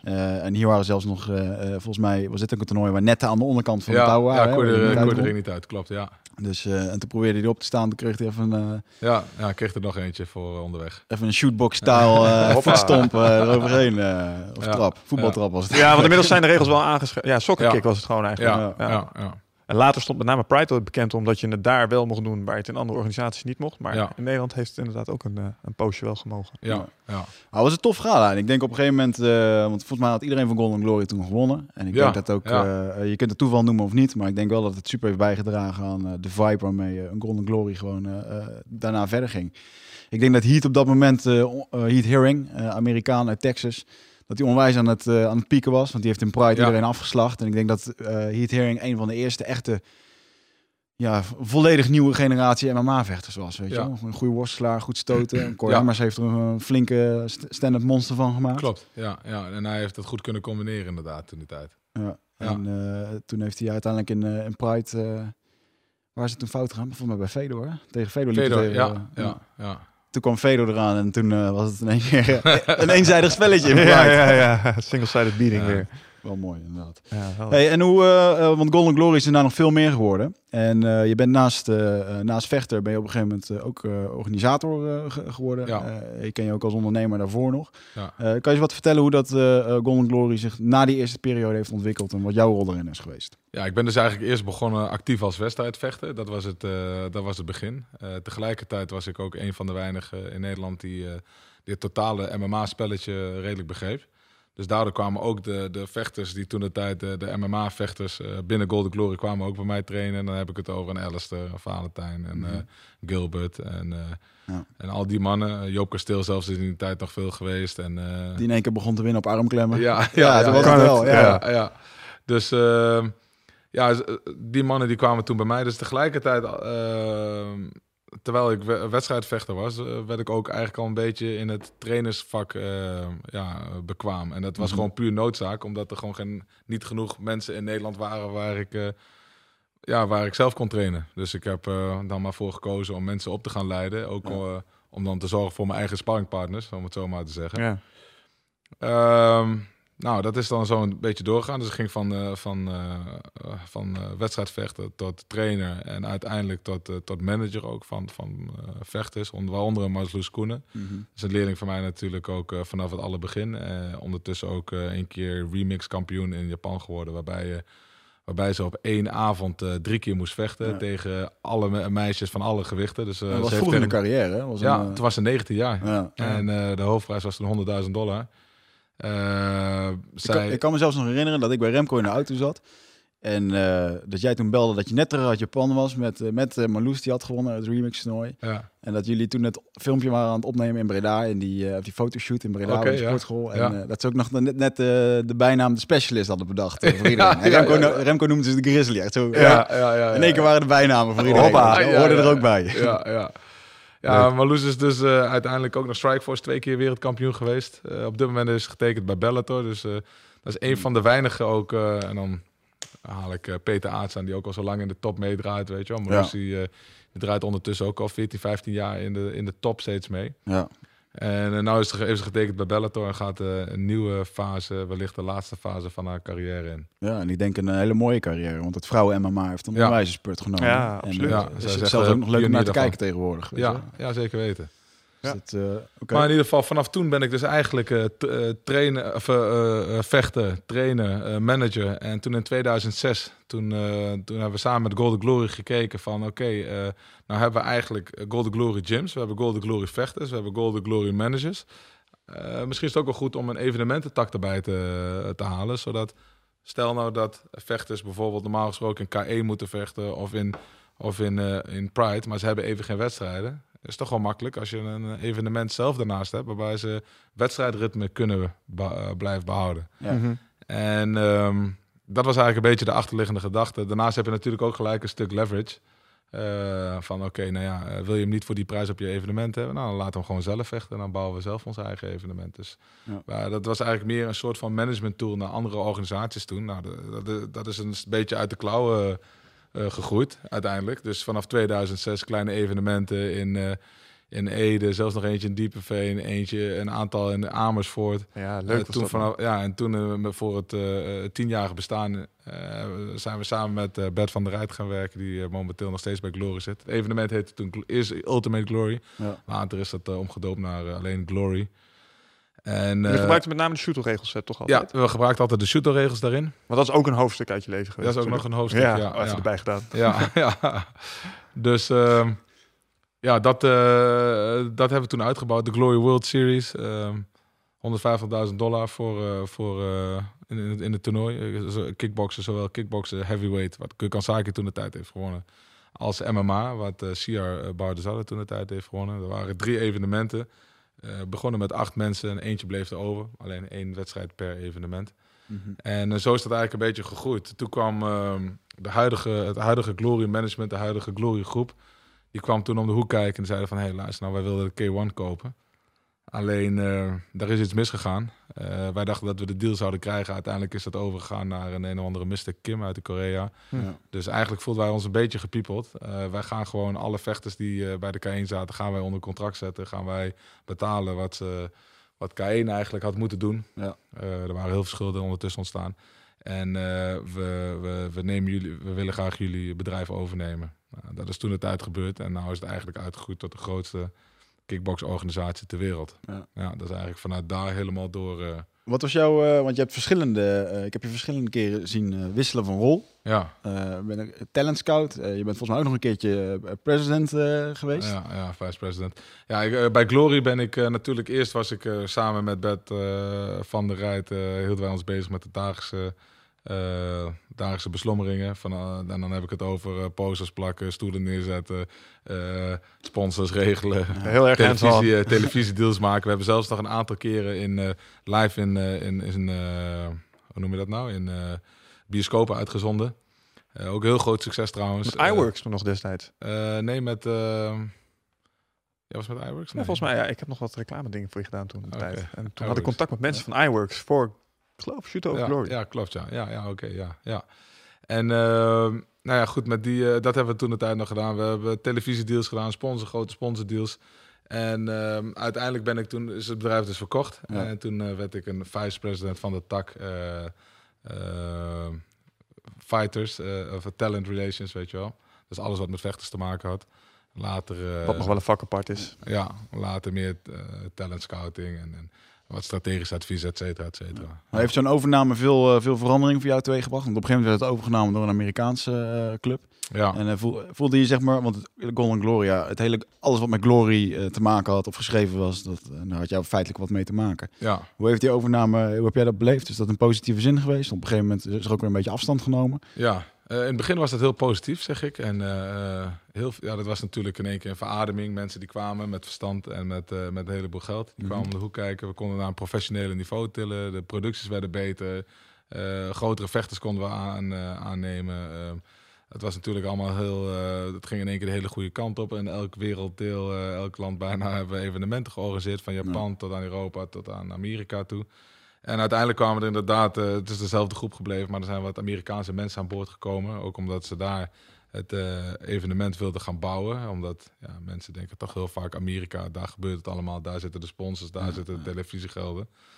En ehm, ja, en daardoor hebben de, de, de Amerikanen wat meer power, zeg ik dan, gekregen. Of meer eh, bemoeienis gekregen. En met de Europese tak een beetje wat minder aandacht aan besteed. Maar dat heb je als je een overname gaat doen. Er was ook Ja. van tevoren afgesproken, oké, Ja. neem, eh, we nemen het bedrijf over en eh, wij willen daar twee jaar als consultant eh, nog eh, aanblijven en Ja. advies geven en helpen om de boel op te bouwen. En dat is ook op die manier gebeurd. Denk je ook dat het terecht is dat die verschuiving naar Amerika plaatsvindt? Ehm, ik denk dat het heel moeilijk is, eerlijk gezegd. Ik sta niet helemaal per se achter die strategie. Ehm, dat is ook uiteindelijk gebleken. Goede deal gemaakt met Spike TV, goede wedstrijden, eh, maar daarentegen eh, weinig publiek. Mhm. Eh, inkomsten bleven uit. Pay-per-view is eigenlijk heel slecht gegaan. Had het ermee te maken dat je gewoon in de achtertuin van de UFC zat? Nee, dat denk ik niet. Ik denk gewoon dat die, die markt is nog niet ontwikkeld. Wij Voor in, het kickboksen bedoel je? Ja, voor het kickboksen. Ja. Wij in, in Nederland zaten natuurlijk met de, bijvoorbeeld met het Showtime, zaten we helemaal vol in de, in de arena. We zaten met Glory in de, in de passenger terminal. Hadden we, Ja. Zaten helemaal vol met tafels. Het was alleen een puur VIP-evenement, maar eh, een record aantal tafels verkocht. Eh, in Europa voor de rest. In Italië werden zalen uitverkocht eh, als Petrosian daar moest vechten. In Zweden gebeurde dat ook. Europa is echt een kickboxland. Ja. En daar, daar leeft dat ook echt. In Amerika is puur boksen of het is UFC. En kickbox is maar een beetje raar. Oké, MMA is in de kooi, UFC is in de kooi, Mhm. Bellator is in de kooi. Ehm boksen is in de ring. Ah, dit is dan, lijkt een beetje op allebei. Alleen Ja. het is wel in de ring en het is anders. Ja, Ja, dat wat is is het niet nou? erg bekend. En daarnaast zijn er ook nog een keer heel weinig eh, Amerikaanse sterren. En dat heb je toch nodig. Want Ja. op het moment dat we in Nederland gaan kijken naar een, eh, nou, iemand uit, eh, uit Rusland... die tegen iemand uit, eh, uit Singapore vecht. Mhm. Ja, Verkoopt geen kaarten. verkoopt geen kaarten. Nee, we willen graag onze eigen Ja, nationale helden zien. natuurlijk natuurlijk. de, de Peter Aarts wil je zien, de Peter Aartsen, de, de NS de Hoos, de... Ja, daarom hadden de Japanners ook zo'n hekel aan ons waarschijnlijk eh, Ja. destijds met de K1. Ja, natuurlijk. Want Ja. Dat, dat heeft natuurlijk... Dat, onze eigen succes, ons Nederlandse succes... is eigenlijk ook onze ondergang geweest in Japan. Ja. Mhm. Als je kijkt naar, eh, eh, eh, want ik heb zelf ook MMA galas georganiseerd en eh, jij ook. En ik heb je gezien van de, van de kleinere eh Shoto galaatjes waar eh, 300 man op afkwamen, maar ook Ja. eh, de passenger terminals waar gewoon alles erop en eraan en waar gewoon de hele beleving meer centraal stond. Natuurlijk ook het vechten. Ik heb het altijd uiterst moeilijk ervaren om eh, op een gegeven moment van een, eh, het was echt een amateurgala waarmee ik begon. Het was goed georganiseerd, dat was de basis. Daar kwamen mensen ook voor terug. Vechters kwamen het over terug. Mm. Want ik, ik ben uiteindelijk gestart uit onvrede eh, voor mijn eigen teamgenoten. die af en toe gewoon eh, vijf uur zaten te wachten voordat ze een keer mogen vechten. Ja. Twee keer opwarmen, eh, geen, geen gages die er waren, dat is onzin.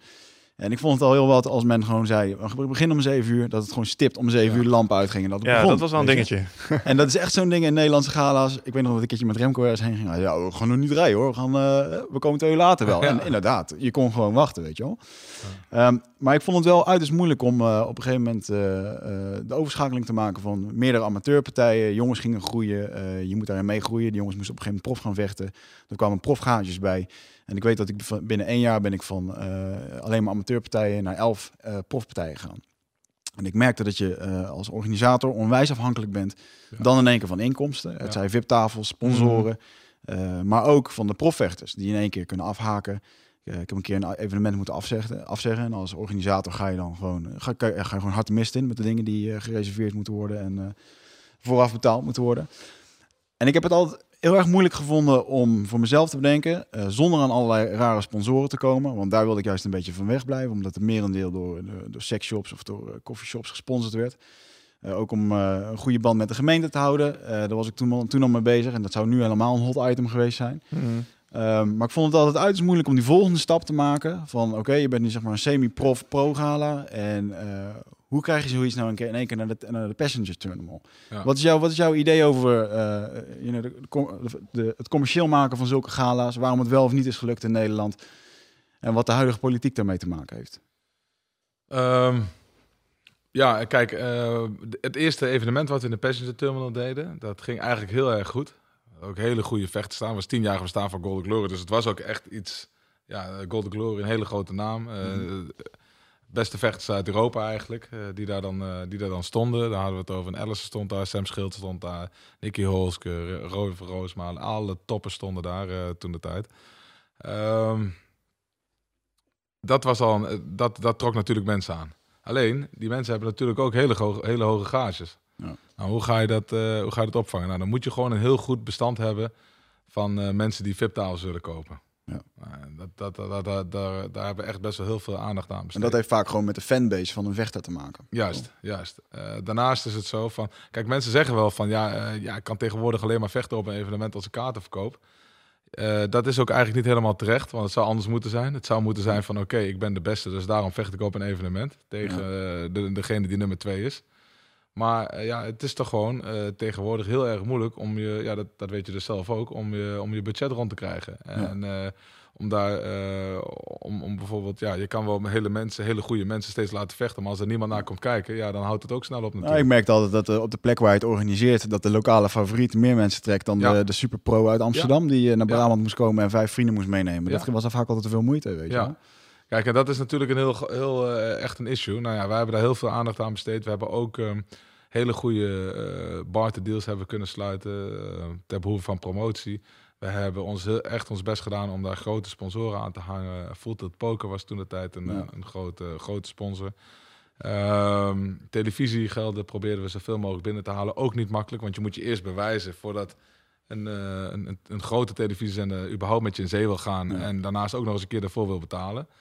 Dus uh, dat was best wel een uitdaging inderdaad. Ja. En dat is in het begin ook een investering geweest. Alleen, we hadden dat wel vrij beperkt. En wat je nu ziet bij andere, met andere evenementen, Glory op dit moment bijvoorbeeld, het is, mm -hmm. geen, uh, ja, het is geen geheim meer, maar die hebben best wel wat, uh, wat euro's of dollars in het hele verhaal hebben ze erin zitten. En dan praat ik over miljoen, tientallen miljoenen ja. dollars die daar nou in zijn geïnvesteerd. En um, dus het is niet zo dat je van de ene op de andere moment dat je je evenement in één keer rendabel krijgt. Alleen wij probeerden altijd wel naar een minimaal uh, break-even situatie toe te werken. Ja, ik denk dat veel mensen ook onderschatten wat het uh, wat voor impact had. Ik bedoel, als je een, uh, een kaal Ahoy wilde vullen met licht ja. en geluid, was je gewoon 20.000 euro kwijt. Ja, veel meer wel. Ja. En ja. aan de beginfase. En dan weet je, ja, natuurlijk, dat is dan misschien nog de basis. En later ja. werd het helemaal een, een grote dierentuin van de mooiste shows en dingen. En dan kost het nog meer. Ja, als je alleen gewoon naar uh, puur licht kijkt, dan, uh, dan, dan zit je alleen al aan een, ja, een 30, 40.000 euro. En dan moet er nog geluid bij. En dan, dan gaat het al snel richting de 60, 70, 80.000 euro. Ja. en dan is het eigenlijk wel, eigenlijk is het dan nog wel bizar dat op een hele hoop uh, ook nog profgala's dat er ook nog een hoop A- en B-vechters zijn die gewoon nog wel voor 500 euro de kans nemen om een neus de andere kant op te laten slaan en dan toch nog gewoon vechten daar, weet je. Ja. Want zo is het ook nog steeds. Ja. Ik bedoel, en ja. dan, je weet zelf, jouw jongens die trainen twee keer per dag. Ja, om de, die stap om daar te komen, weet je, je moet gewoon veel opgeven. Je bent twee keer per dag aan het trainen, je zit een trainingskampen van zes weken, je bent gewoon iedere dag zoor en je hebt pijn en en dan op die laatste avond, dan moet het gaan gebeuren. En je hoeft het niet voor het geld te doen, weet nee, je? Nee. Nog niet. Nee, precies. En dat, dat, is, dat zeg je heel goed. Kijk, uh, als je nou kijkt naar bijvoorbeeld voetbal, ja, dan, is, dan kijk je meer in de breedte. Ja. wil ik niet zeggen dat gelijk iedereen net zoveel verdient als, als, uh, ja, als Robben bijvoorbeeld. Nee, maar de, de onderlaag, dan heb je, een on, dan heb je natuurlijk de, de toppers, dan heb je de subtoppers en dan heb je ook nog een stuk onder. En die kunnen allemaal wel redelijk rondkomen. rondkomen. En ja. bij vechtsport is dat toch heel erg, an, heel erg anders. Daar zitten de, dan doe je het vaak uit hobby en voornamelijk uit passie. En als dat jouw passie is en je wil de beste ter wereld worden, nou, dan heb je daar alles voor over. En dan moet je soms maar op een houtje bijten. Ja. Met hopend dat je uiteindelijk een keer die kans krijgt om in het buitenland, want in Nederland liggen die gages gewoon niet hoog. Daar kan je, daar, nee. daar, daar kan je niet op binnenlopen. Mm. Dan hoop je dat je een keer bij de UFC, dan wel Bellator, dan wel One FC of mm -hmm. waar dan ook toen de tijd Pride, of dat je daar een kans kan krijgen en dat je daardoor je ja, je moet echt heftig investeren in termen van partijen draaien in ja. Nederland om daar een shot te krijgen voor een doorbraak. Ja, ja, ja. snap ik. Ja. Maar heeft dat ook niet te maken, en dat altijd een beetje, ja, alle vechtsporters vinden het nooit een heel erg leuk onderwerp, maar Wigert had het over goede sponsoren weten te vinden. Het is heel moeilijk binnen de vechtsport. Heeft misschien ook wel een beetje te maken met ja, het stigma en het aura dat er een beetje omheen hangt, want het zijn allemaal booskijkende, nou ja, als je een normale burger bent tussen quotejes uh, en kijkende mannen, wat op zich natuurlijk heel erg meevalt als je ze leert kennen. Maar ik kan me wel voorstellen dat er een bepaalde, ja, twijfel is voor bijvoorbeeld een Coca-Cola of een Philips om te zeggen, hé, hey, maar daar gaan we eens vrolijk mee in zee. Hoewel als je dat naar Amerika kijkt, UFC die doet het dan wel weer aardig. Ja. Wat is dan het verschil tussen Nederland en Amerika in dat opzicht? Um, Amerika is misschien ook meer een sportland, dat sowieso al. Hmm. Um, Nederland is al snel van, uh, ja, uh, als, er een, als er een ruzie is geweest en uh, dan staat er al snel in de krant, ja, met een kickbox trap of met een karate trap, mm -hmm. werd dan iemand tegen de vlakte aangeslagen. Terwijl op het moment dat er een scheidsrechter wordt doodgetrapt, zeggen ze niet met een voetbaltrap trappen ze hem tegen het hoofd aan. Nee. Nee, dat, kijk, en dat is al wel. En dat heeft, is dan wel relevant, weet je wel. Iemand die dan misschien één keer of twee keer eh, is wezen kijken bij een kickboxles, is dan Mhm. gelijk een kickboxer. Ja. En, eh, en, en, en een voetballer wordt niet over gepraat. Of iemand, eh, een, een tennisser die iemand met een stuk hout tegen het hoofd aanslaat, wordt ook niet aangehaald. De tennisser sloeg hem met een tennisklap tegen het hoofd aan. Dat, Ja. dat zie je gewoon niet. Dus er is een bepaalde manier van schrijven. En dat heeft te maken met de huidige, ja, met de huidige personen die de media beheersen op dit moment. Mm. Eh, en voornamelijk in het eh, verleden. En er werd al heel snel werd het van de donkere kant werd het gezien en belicht. Ja. Tikje Terwijl er ook een sensatie- hele, terwijl er ook, he- sorry, sensatie zoeken. ja, sensatie zoeken. Dat, dat verkoopt natuurlijk. Ja. En eh, Ah, het is ook gewoon een gebrek aan kennis. Want ik heb Ja. bijvoorbeeld de afgelopen week las ik een stukje over de, in de Telegraaf over Vincent Latoul die in Ja. Cambodja had, had gevochten. ja. Mhm. Ik was verbaasd over eh, hoe goed het stuk was geschreven. De positieve de toon. termen Ja. en eh, weet je, eh, Ja. in tegenstelling tot wat je ik eerder had gelezen. Ik had je invloed op, begrijp ik. ja, nee, ja. ja. Oké. Onze, onze, Nou, we know. nee, maar onze ik eigen Marloes Koenen, die, is, die schrijft onder andere ook voor de Telegraaf. Ah, oké. En die heeft dat stuk geschreven. Oké, nou, props to Marloes. Die Ja. mag vaak Ja. een stukje schrijven. Ja, dat kan zo goed, ja. En ik had het ook gelezen omdat zij het had gedeeld op Facebook. Dus, ja, ja, ja, Maar ik, ik, eh, ik denk in ieder geval dat het, eh, als je kijkt naar de verschillende gala's in Nederland, dat op een gegeven moment, eh, als je tot, tot, tot, tot duizend bezoekers, dan is het vaak, zijn sponsoren gewoon een kwestie van gunnen. Ja, Dan zijn het de lokale gyms die gesponsord worden, de vrienden Mm. van vrienden. ja, terwijl op het moment als je naar een miljoenen publiek gaat, op televisie of zelfs in Amerika, waar gewoon gigantisch veel kijkers zijn, dan Ja. wordt het in één keer commercieel interessant. ja. Dus, maar ik heb hier ook nog wel regelmatig met, eh, met flinke namen rond zien lopen met, eh, voor sponsoren. En eh, die zijn ook wel met komen en gaan, Ja. gaan gekomen. ja we, hebben dat, we hebben het wel geprobeerd. Ook wij hebben gewoon gezegd, het is heel belangrijk dat we de juiste sponsoren eraan hangen. Het is heel makkelijk om daar in de verkeerde hoek te gaan zoeken. Mhm. Ehm, en dat is ook heel verleidelijk, omdat je je budget bijna niet rondkrijgt. Ja. Het is gewoon heel moeilijk om, om, om een evenement neer te zetten wat rendabel is. Laat, Mhm. en, dan, en dan hoop je maar dat je break-even kan, kan spelen, spelen zelfs. En, maar toch hebben wij een visie gehad. Oké, eh, laten we nou vanaf het begin af aan gaan werken met, met, met goede sponsors. Eh, liever geen sponsors eh, dan eh, ja, de sponsors die eigenlijk in het grijs of in het zwarte gebied zitten. Ja. Ja. En daar hebben we heel doelbewust voor gekozen. En eh, waarom ook? Kijk, op het moment dat je eenmaal bent gesponsord door, eh, ja, door een, eh, een, een- ja, zeg maar een sponsor die op de zwarte lijst staat, dan is het heel moeilijk voor een Nike om een keer te gaan kijken van, hey, die, die groep gaan we sponsoren. Want die kijken gewoon terug naar het verleden. Wat hebben zij in het verleden gedaan? Wat voor een eh, Ja. aura hangt er omheen? Eh, en dan is het gewoon heel En je hebt moeilijk. het dan gewoon over de Cana's en de Casarros. ja, en ja, dat soort ja, ja. ja. En Kijk, en dat, daar hebben wij voor, bewust voor gekozen om dat niet te doen toen de tijd. Terwijl ik En, denk dat je wel moet beseffen dat dat soort, dat soort sponsoren die nu niet meer aan orde zouden zijn, maar die hebben het wel voor een deel groot gemaakt in ja, Nederland. zeker. En dat is ook inderdaad, eh, er is op zich niks mis mee, want het zijn gewoon legitieme bedrijven. Ja, Alleen dat is de perceptie van, van de mainstream Nederland. ja, En daarnaast is het ook zo, eh, op laatst zijn we ook gestopt met VIP-evenementen. Want ehm, ja, wij kregen gewoon seintjes vanuit de overheid. eh, Vanuit de overheid. Wij hebben liever niet dat jullie dat doen. Ja. Omdat, en dat was dan meer van, oké, je hebt dan zeg maar de ring. Daar zit, daaromheen zit een aantal VIP-tafels. Mhm. En daar, dan heb je een aantal tribu dan heb je de tribunes daaromheen. En Mhm. het, tussen aanhalingstekens, gewone volk kijkt dan op de, eh, de rijke eh, VIP-gasten. Die niet altijd een, eh, een, eh, die niet allemaal bij de ING werken of bij de Ja. Shell, zeg maar. Mhm. En dat wordt dan een beetje eh, geromantiseerd. Dus Ja. dat, wordt, dat, dat, dat, geeft een verkeerd signaal af. Ja, en maar daarom gelukkig- zijn we er geluk- uiteindelijk ook mee gestopt. Maar Gelukkig, misschien- gelukkig dat iedereen op de, eh, op de skyboxen bij het voetbalstadion, eh, hè, daar zit inderdaad heel veel anders. Ja, maar het is wel... Het is wel Daar is het niet zo zichtbaar. Ja. Nee, maar dat is wel een ding waar we mee te maken hebben. Er kleeft wel een bepaalde aura van, ja, misschien moet het maar gewoon benoemen, criminaliteit zeg maar aan Ja. de sport. Al Ja. dan niet terecht, want Ja. nou ja, er lopen ook een heleboel mensen in de sport rond eh, die gewoon De meeste. Ja, eigenlijk wel, die gewoon normale carrières op nahouden. Maar toch zijn er dan weer incidenten waar je daar straks al naar refereerde, die zetten het dan weer net even in het verkeerde daglicht. Ja. In hoeverre is dat wat jou betreft eh, terecht? Want, nou ja, laten we wel wezen, VIP-tafels, we weten gewoon dat daar soms jongens zitten Ja. die niet een standaard 9 tot 5 hebben. Ja, maar goed, dat, en, en ik ben het daar nog steeds niet mee eens. eh, omdat, eh, ja, dat, dat- die zitten ook bij andere evenementen. Het Ja. is niet zo dat die mensen alleen maar bij, eh bij vechtsport-evenementen komen kijken. Mm. En alleen wij worden erop afgerekend. En wat ik al zei, van als jij ehm, geaccepteerd wil worden door Nederland, door de Nederlandse media en de Nederlandse overheid, zeg maar, dan moet jij je extra netjes ge- gedragen. Dan moet je Mm. echt het braafste jongetje, eh, jongetje uit de klas zijn. En eh, die VIP-tafels, die, ehm, eh, die, die sponsoren, die, ja, dat, die- dat, zijn allemaal, le- dat, zijn allemaal, dat zijn allemaal gewoon normale mensen. En dat zijn allemaal legitieme bedrijven. Alleen ja, dat, dat kan een, een, een verkeerd beeld oproepen bij, eh, bij, bepaalde, bij een bepaalde groep mensen die eigenlijk uiteindelijk het beleid bepalen in Nederland. Ja. En dat is eigenlijk wat je, wat je, wat je krijgt. En daarom moeten wij overdreven ons netjes gedragen Ja. om eh, geaccepteerd te worden. Omdat ja, je komt toch uit een underdog positie. En dat is vanaf het, eh, dat is vanaf het begin eh, ehm, eh, in, in Nederland al gebeurd. Met, to- toen Hmm. de evenementen werden georganiseerd. Maar dat heeft een aantal promotors wel toen doen besluiten om niet meer verder te gaan met het organiseren van activiteiten. Ja, ah, eh, dat, dat is inderdaad zo. eh, dat is inderdaad gebeurd. En, maar ik zie nou wel dat er een, een, een keerpunt is. Ehm, de overheid is er uiteindelijk mee gaan moeien. NOC en NSF die heeft een, eh, een, eh, een stuurgroep samengesteld en een, een aantal werkgroepen eronder. Ja. En die zijn nou aan het bekijken hoe ze dit eh, hele probleem Mhm. van het vechtsport in Nederland kunnen aanpakken. En dan voornamelijk de, doen het op de ringsporten. Ja. Ja.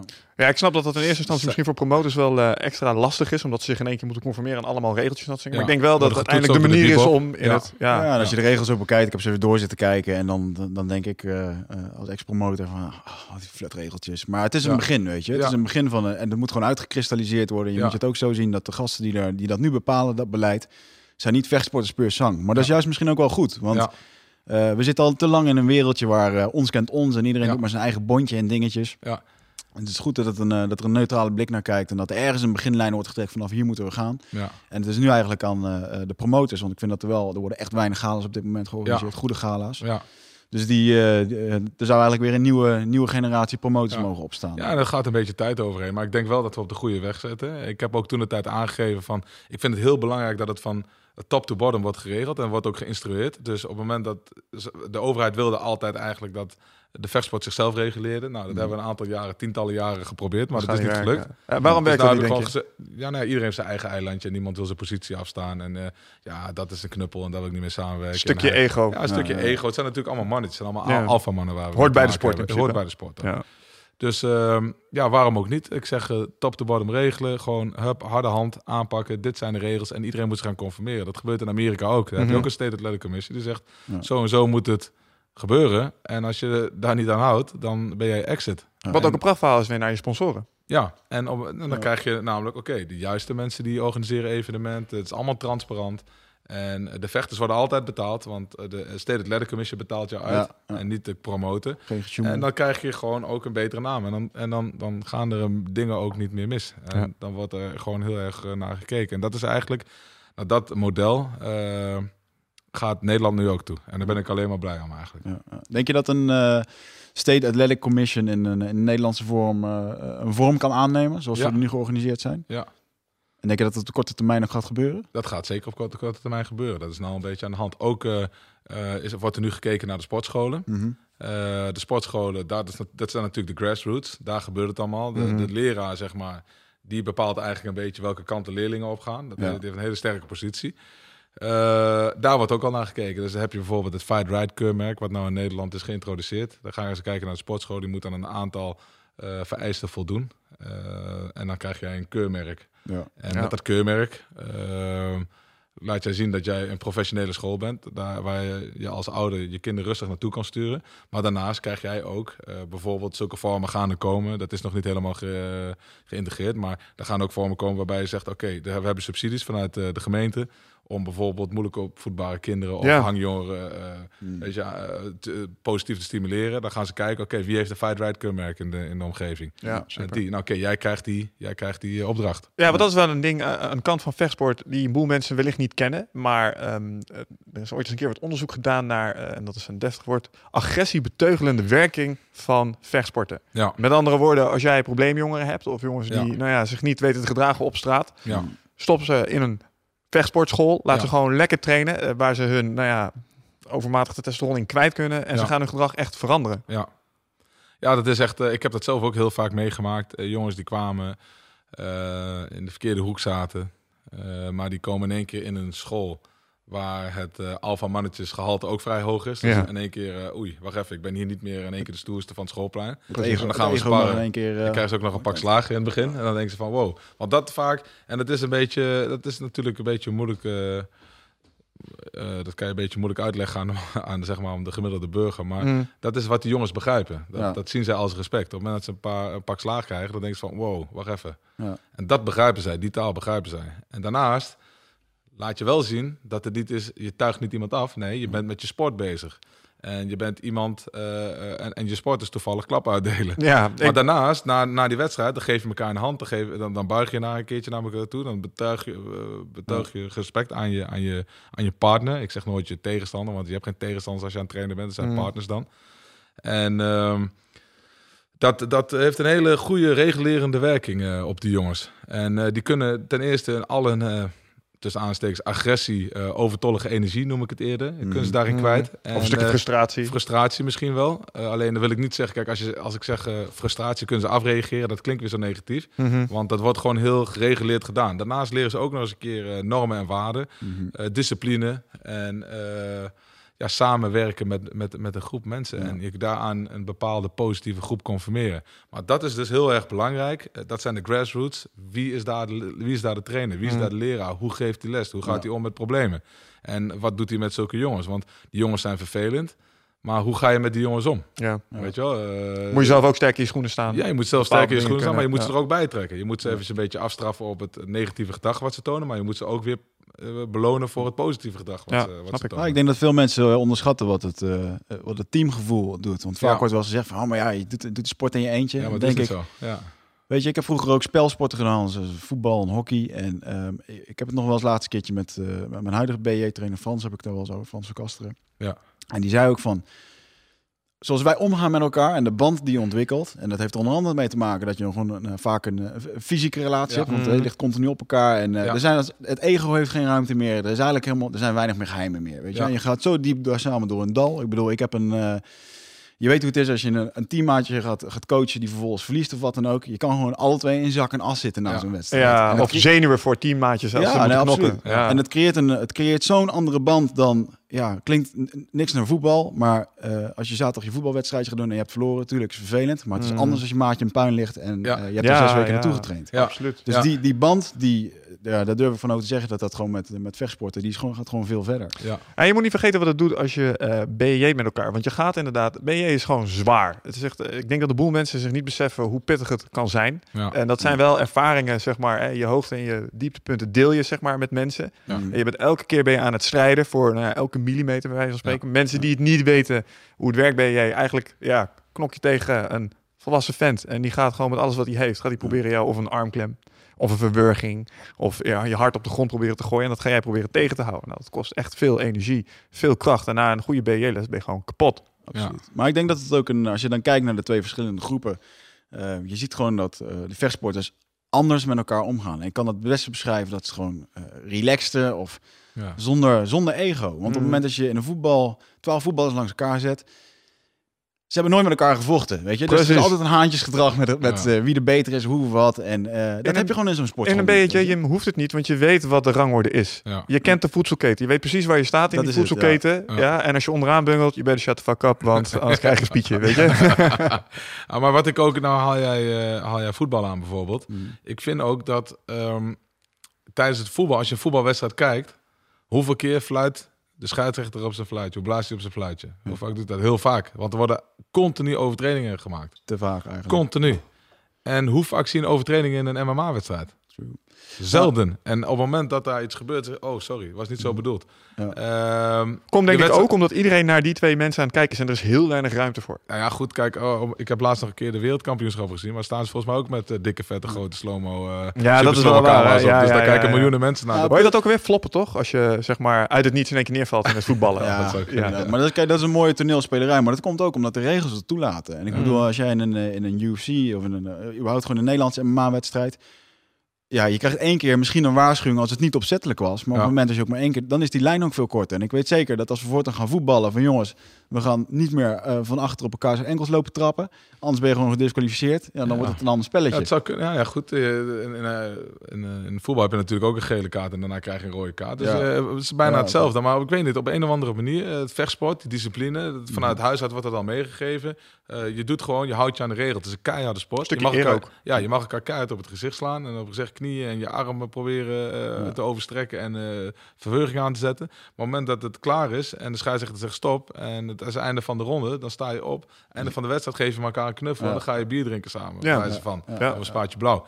Maar het gaat erom van die, die, die discipline is er. Die, die, die, die hardheid is er, maar ook die, dat respect naar elkaar toe. En dat Ja. krijg je al vanuit de, de sportschool wordt dat al gevoed. En, en dat is heel erg belangrijk. En dat is echt het hele grote verschil met, met vechtsport en andere sporten eigenlijk die je ziet. Ja. En wat ik ook nog wel een frappant eh, ding vind, is dat eh, vaak zeggen mensen wel eens van, joh, heb je dan niet vaak blessures? Zal ik mijn standaard antwoord, als ik hetzelfde aantal uren wat ik op de mat heb doorgebracht, op een voetbalveld heb doorgebracht, dat Ja. ik nu aan mijn knieën, mijn ellebogen, aan Mm, mijn knieën, ja. mijn enkels, alles aan gortel. Want je krijgt Ja. in één keer uit onverwachte hoek een, Ja. eh, een pegel van onderen. Ja. Terwijl het is heel anders als jij gewoon inderdaad kin op je borst, handen Ja. vooruit en je weet wat er gaat komen. Dan Ja. heb je gewoon een heel ander soort eh, eh, Ja. confrontatie inderdaad. Wat, wat vind je van, ehm, ja, ik vind het wel een heel belangrijk punt en daar heb jij ook natuurlijk veel mee te maken, veel leerlingen. Eh, als je kijkt naar de trainer-leerlingenrelatie. Ja. Want juist door al die dingen die we net hebben besproken, Ja. ik denk dat je met, eh, zeker met vechtsport, als trainer zijn, ben je eigenlijk echt een product van jezelf aan het ontwikkelen. Ja. Ik bedoel, eh, je probeert iemand te fine-tunen op zijn, op zijn skills en Ja. eh, daar komt echt een uniek, unieke vechter uit. En je hebt er behoorlijk wat gehad. Ja. Ehm, eh, wat is voor jou, wat, wat creëert die ultieme relatie en hoe, hoe ga je daarmee om? Zit jij vaak in je hoofd? Neem je heel veel informatie tot je video's, podcasts, boeken? Eh, nou, voel je niet schuldig, dat doen heel veel mensen natuurlijk. maar vaak zijn we op zoek naar antwoorden. Ehm, gaan we nog meer informatie tot ons nemen. Terwijl ja, de antwoorden liggen toch echt in onszelf. En dat is iets wat we voelen met ons lichaam. Maar vaak zijn we zo erg in ons hoofd bezig ja, dat we dat ook niet meer, dat we daar niet meer echt goed bij kunnen. En dat is graag waar ik je voor uit wil nodigen. Voor Rite of Passage. 24, 25 en 26 mei is er weer een nieuwe editie. Voor mijn retreat voor persoonlijke ontwikkeling. Waarbij het thema echt is om uit het hoofd te komen in dat lichaam. Want dat is waar je alles ervaart. En ik wil dat je gewoon weer in contact komt met, met die, die intuïtie. Ehm, en dan gewoon een heel sterk eh, innerlijk kompas. Dat je gewoon weer weet waar je naartoe moet. Wat je te doen staat. En dat je gewoon weer helderheid hebt over wat je wilt en hoe dat je dat gaat doen. En dat doen we middels eh, bio-energetische oefeningen, dynamische meditaties, een stuk shamanisme zit erin. Het enige wat er bekend is van het programma is dat er een zweethut in zit. Eh, en natuurlijk gewoon hands-on persoonlijk leiderschap. En dit retreat krijgt een 9,2 gemiddelde van meer dan 331 deelnemers. Daar ben ik ontzettend trots op. Sterker nog, er is ook een money back guarantee. Vind je niks na drie dagen, krijg je gewoon je geld terug. Dus het enige risico dat je loopt, is dat je gelukkiger wordt. Klinkt dit als iets voor jou en durf je het aan? Dan zie ik je op Ride of Passage. Ga naar wichertmeerman.nl en klik op Retreat. Nou, ik, ik denk inderdaad, de, de relatie tussen een, een, een, een vechtsporter en zijn trainer of haar trainer of, is, is heel erg intensief. En ehm, ik, ik denk dat ik daar eh, ook een beetje in uitblink. Ik denk niet dat ik de beste trainer in de wereld ben op het gebied van... Ik denk niet dat ik alle technieken ter wereld ken, want dan weet ik wel zeker dat ik die ken. En er zijn er ongetwijfeld mensen die beter zijn in het staande, beter zijn op de grond of beter met het worstelen. Maar ik weet gewoon dat ik leg mijn passie erin. En op het moment dat ik mijn passie erin leg, dan komen, komen daar successen uit voort. En Hmm. ehm, ik blijf mezelf uiteraard ontwikkelen. Maar ik, ik, ik, ik kijk heel erg goed naar de persoon. En, en Marloes, die train ik heel anders als bijvoorbeeld een Gazim Salman. is een nieuwe jongen die bij mij traint en die eh, binnenkort ook hele grote stappen gaat maken. Of die train ik anders dan een Alistair, dan een Siar, dan een... Maakt niet uit. Iedereen is uniek. En, eh, maar het gaat erom, hoe ga je met die mensen om? What, what makes him tick? Weet je wel? Ja. Wat, wat, wat motiveert die persoon? Mhm. Ehm, hoe gaat hij om met tegenslagen? Hoe gaat hij om met successen? Ja. Ehm, Ja, want dus wat ik je eigenlijk hoor zeggen is dat dus, eh, bij vechters is er niet een eenduidig iets nee, te is herkennen on- wat nee. ervoor zorgt dat ze die stappen maken. Precies. En daarnaast is dat, en dat is, het, dat is een stukje mentaal, maar dat, is, dat geldt precies hetzelfde voor het fysieke. Eh, bijvoorbeeld, Marloes, die heeft een hele andere vechtstijl dan Vincent Latour. Ja. En, en, en, en, en als Gzim Samani bijvoorbeeld, of als Martin Prachner. Dat zijn hele andere vechters. En iedereen, ik vind ook dat je, ik zie heel veel trainers, die zijn ook, ook best wel eh, succesvolle trainers. Alleen, ehm, die komen op een bepaald punt, dan stoppen, ze, stoppen de vechters toch met ontwikkelen. En ik zie bij heel veel vechters dat die hun, eh, de, heel veel trainers, dat, dat die hun vechters willen laten vechten op hun manier. Ja. En dan, oké, dit is mijn stijl, dit, is mijn, eh, dit zijn mijn, eh, dit zijn mijn vereisten en daar moet je aan voldoen. En zo moet je erin. En dat, dat werkt niet zo, vind ik persoonlijk. Dat is mijn mening. Ik denk gewoon dat iedereen heeft zijn sterke punten, iedereen heeft zijn zwakke punten. En daar Hmm. moet je mee aan de slag gaan. Is er wel een basis die je bij elke vechter probeert aan te leggen? Natuurlijk, er zijn altijd eh, de basistechnieken en iedereen moet ook alles trainen. Dus ehm, of, je nou, eh, of je nou 130 kilo bent of dat je nou 65 kilo bent, ik vind dat je vanuit de guard een aantal posities moet kunnen, moet kunnen doen. Een aantal submissions moeten kunnen aanleggen. Ehm, Vliegen weet je wel. 130 kilo. Ja. Ja. Nou Leuk. goed, ik heb dus bijvoorbeeld uh, Exxon Salmani, broer van Sim Salmani, die deed Mm. tijdens een grapplingwedstrijd deed de laatste gesprongen armklem en die weegt 125 kilo. Ja, dus het kan wel. Hoezo dat was de kan wel. tegenstander? Eh, die was ook iets van 100, eh, 110, 115. Dus ja, dat, maakt ook niet uit. Het is gewoon zwaar. Nee, maar dat, ja, maar dat kan dus, weet je wel. En wat ik ook belangrijk vind, ook bijvoorbeeld met, eh, met Joe Kasteel toen de tijd, eh Valentijn en, en Alistair en Gilbert, weet je wel, toen, die toen bij mij kwamen trainen, die al een Hmm. achtergrond in het staande gevecht hadden. Hmm. En die ging ik leren hoe ze submissions moeten maken. En toen zeiden ze van, ja, maar waarom moet ik dat nou leren? Ik wil eigenlijk alleen maar leren te verdedigen. En vanuit daar op te gaan staan en weer mijn staande spelletje gaan spelen. Ik zeg, nou, prec- ik zou je vertellen waarom dat moet. Je moet leren, je moet weten hoe een submission wordt opgebouwd. Ja. Op het moment dat je weet hoe die wordt opgebouwd, dan we- als je dan terug gaat redeneren, dan weet je ook hoe je moet ontsnappen. Mhm. Ja. En, en, en dat vind ik heel erg belangrijk. Dus er is een bepaalde basis die iedereen moet kennen. Maar op het moment dat je naar een wedstrijd gaat toewerken, dan ga je heel specifiek bepaalde technieken eh, bijvoorbeeld aanleren, aanscherpen, verbeteren of juist eh, eh, verbergen. Soms heeft iemand zwakheden, die ga je proberen te verbergen, weet je wel. Mm. Ja, ja, ja. Ik weet nog eens een keer dat een vechter van, eh, van jullie destijds, eh, die had last van zijn knie. Toen moest hij een kniebeschermer op en dan doe je kniebeschermers aan beide benen. Want ja, Ja. je wil verbergen dat hij last heeft van Ja, zijn of linker aan de andere knie. Ja, dus aan zijn goede knie. Dan dacht iedereen, hij heeft een probleem aan die knie. En dan Ja. gaan ze op die knie mikken, terwijl ze, dat zijn goede knie is. Slim. Ja. Hey, maar je, je benoemde het net ook dat eh, zo'n vechter die gaat een bepaalde cyclus in. Van eh, eh, natuurlijk eh, echt het grind beginning. Van ik wil vechten en eh, die wil ervoor Ja. gaan, heeft allemaal niks. En op een gegeven moment kom je tot een bepaald eh, succes. En eh, ehm, eh, ik zie daar echt een hele erge cyclus in. Overal waar ik ook zelf heb getraind. Het is een cyclus van een jaar of vijf waar in één keer een hele groep jongens actief begint te vechten. En je hebt dat zelf twee keer meegemaakt. Lichtingen. In, in de eerste lichting in, eh, in Os. Eh, op een gegeven moment is dat uit elkaar gevallen. Op een gegeven moment heb je Golden Glory. Dat zijpelt langzaam een beetje uit elkaar. Ja. Eh, je hebt zelf leerlingen gehad die bij jou vertrokken. Ja. Ehm, wat, wat is daar de gedachte van? Want is het, heeft het, is het een ego-ding? Is het een natuurlijk ding? Is het een, een combinatie van alles? Eh, wat ik kan zeggen is eigenlijk, eigenlijk uit eigen ervaring. Ik, vind dat, ik, ik, ik zie vaak dat vechters ehm, die vanuit het niks komen, Mhm. nooit wat hebben gehad, en die eh, eh, worden in één keer heel erg goed en worden heel erg bekend en die worden heel erg, die krijgen in één keer geld op een bankrekening. Ja. Dat is voor heel veel mensen is dat heel moeilijk om daarmee om te gaan. Wat En- verandert het spelletje? dat en, en dat heb ik, eh, dat zeg ik tegen elke, elke leerling van mij die nou ook nieuw bij me komt. Zeg, luister, het punt gaat komen. Ja. Iedereen krijgt het punt. Het gaat, er, gaat erom, hoe ga je daarmee om? En dat is waarschijnlijk dat- door schade en schande dat je ze dat vertelt. Ja, en, en, op, ehm, en als, ga er vanuit dat over vijf jaar, dat, of over tien jaar, dat iedereen tegen jou gaat zeggen dat je de allerbeste ter wereld bent. En dat je bent zo geweldig, je bent zo goed, wow, hey, amazing, you know. En dan, Wat doet dat met je? dat gaat dat met je doen. Je gaat jezelf ook he- helemaal geweldig voelen. En ja, dan krijg je ook nog eens een keer heel veel geld Ja. eh, voor een wedstrijd. En dat gaat je veranderen. Dat gaat, dat gaat iets met je ego doen. En dat, dat kan iets met je gaan, gaan doen. Dat hoeft niet, maar dat kan. En dat Mhm. gebeurt bij heel veel mensen. En die weten niet hoe ze ermee om moeten gaan. En uiteindelijk kan het zijn soms dat ze hun eigen weg kiezen. Maar ik heb dus uit, eh, uit het verleden hebben gewoon bekeken dat al die mensen die hun eigen weg zijn gegaan, die zijn uiteindelijk Ja.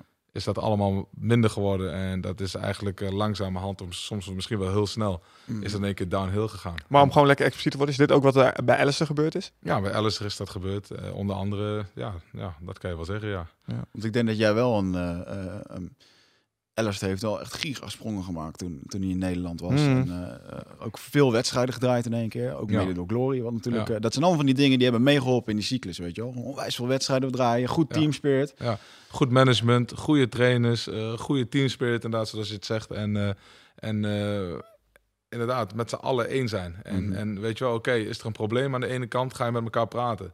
Eh, oké, eh, heb- hebben wij met z'n tweeën een probleem, dan ga jij, stap jij naar voren. En dat Mhm. is het voordeel van een groot team, met mensen die allemaal dezelfde richting op willen. Ja. Je kan elkaar opvangen en je kan elkaar, en je weet wat, wat je aan elkaar hebt. Alistair die trainde bij mij vanaf zijn 17 of 18e. Mhm. Dus die kwam bij mij de sportschool toen binnenlopen. Ja, en dan heb je een bepaalde band met iemand. Ja. En als je dan twaalf jaar bij iemand treedt, dan, dan zie je ook bijvoorbeeld, eh, als ik in een wedstrijd zei, gaat rest direct de rest knie, dan kwam die gelijk eruit. En ik denk dat het heel moeilijk is, als je, je kijkt naar, we hebben het nou toevallig over Alistair, maar als je kijkt naar zijn laatste periode heeft hij, is hij volgens mij vier keer van team verwisseld. Mm. Ja. En dan kan ik me voorstellen dat iemand die dan in de hoek staat en die roept wat, dat je, denkt, dat je er even een fractie van een seconde over moet nadenken. Of, Ja, want je kent de stem niet. Hoewel, ik moet Ja, zeggen, kunt- ik hoor je ook wel eens op Eurosport voorbij komen. Je bent slecht te missen in dat opzicht.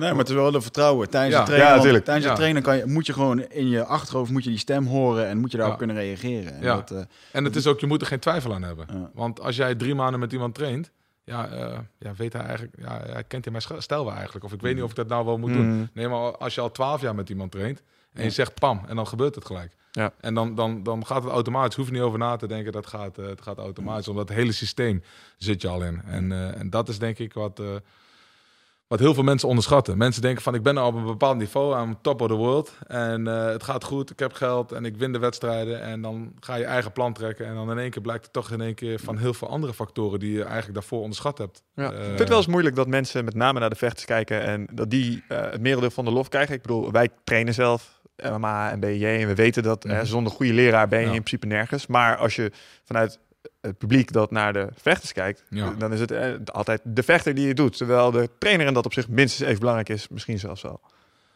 Eh, of ik dat moeilijk vind, nee. Ik, Nee. ik gun het die. Ik ben zelf vechter geweest. Ik weet Mm. hoe het werkt. En ehm, eh, het is leuk als je waardering krijgt natuurlijk. Ja. En eh, het is leuk als je vechters dat ook noemen in hun interviews en als Mhm. dat, eh et cetera, et cetera. Maar dat is niet waarvoor je het doet. Je doet het ervoor en dat is, je, je bent in dienst van de vechter. Je stelt jezelf in dienst van de vechter. En Mm. dat doe je alleen als daar een bepaald respect voor terugkomt. Ja, En eh, dan, als iemand, ik zeg altijd, als iemand mij eh 50% geeft, geef ik 100%. Als jij mij 100% geeft, geef ik 200% terug. En dat is Mhm. eigenlijk, denk ik, ja, dat is je motivatie ook. Je wil gewoon met je team de beste eh, ter wereld worden. ja. Denk, je, denk je dat zoiets kan dan? Want je zegt, je hebt ongeveer 12 jaar met, eh met Alistair getraind. Eigenlijk is het een soort relatie, weet je Ja. wel. En ik kan me voorstellen, ook in een normale relatie... Een gegeven moment kunnen dingen gaan verslappen. Denk je dat je na 12 jaar eh, blind bent geworden voor sommige van zijn? eh, dat je denkt van, hey, dat dat misschien eerder moet oppakken, maar gewoon door, omdat alles normaal is geworden, dat je op een gegeven moment gewoon blind wordt voor, eh, voor elkaars signalen van, joh, misschien zit hij niet lekker in zijn vel, of wil hij wat anders, of meer. Nee, ik denk juist dat ik dat heel, dat, dat je dat dan nog sneller oppakt. Als je lang een vriendin hebt of een vrouw hebt, dan, dan hoef, heb je aan een half woord, als het een goede relatie is, heb je een half woord genoeg.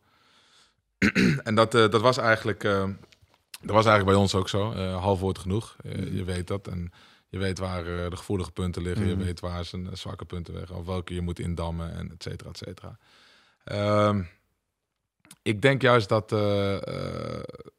ik denk juist dat dat, dat andersom is, inderdaad. Ja. Ik, ik weet ik ook dat met, in het geval van Alistair, nou, we hebben het toevallig nog steeds over Alistair, had hij ook een probleem met het management en niet zozeer Ja. met mij. En, eh, Want daar zijn op, op, op het management heb ik, zijn meerdere jongens, ja, als het ware bij jou voor weggegaan. Omdat ze vonden dat jij aan de kant van Golden Glory eh, bleef staan. ja.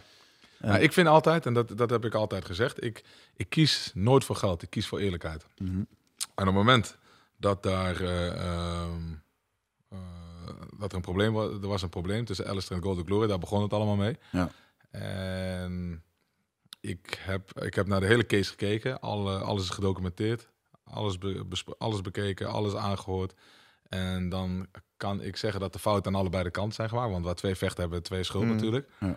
Maar ik vind niet dat, eh, dat er zulke dadige fouten zijn gemaakt door het mensen wat, wat eigenlijk Alice, pro- Alice te proberen te suggereren. Ja. Dat, dus ik, ik, uiteindelijk heb ik mijn conclusie getrokken en ik vond niet dat, het, eh, dat de schuld bij het management lag. En of ik, wat ik al zei, ik kies nooit voor geld. Ja. Eh, ik kan voor de roem en voor het geld kiezen en met Alice te meegaan. Maar dat heb ik niet gedaan, want ik stond daar niet achter. En, eh, en nou ja, uiteindelijk is het ook wel gebleken dat het... eh, Ja.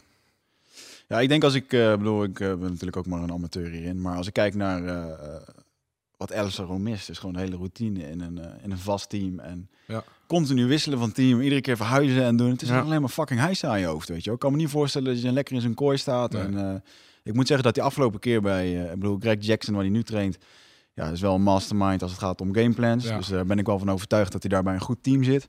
Eh, Ik moet ook eigenlijk zeggen dat hij in zijn laatste partij vond ik hem eigenlijk eh, vond ik hem goed beginnen. Ik bedoel, hij vocht wel eh, eh, op zijn eigen manier, orthodox, misschien in, eh, met een bepaalde strategie. Die zat er duidelijk achter.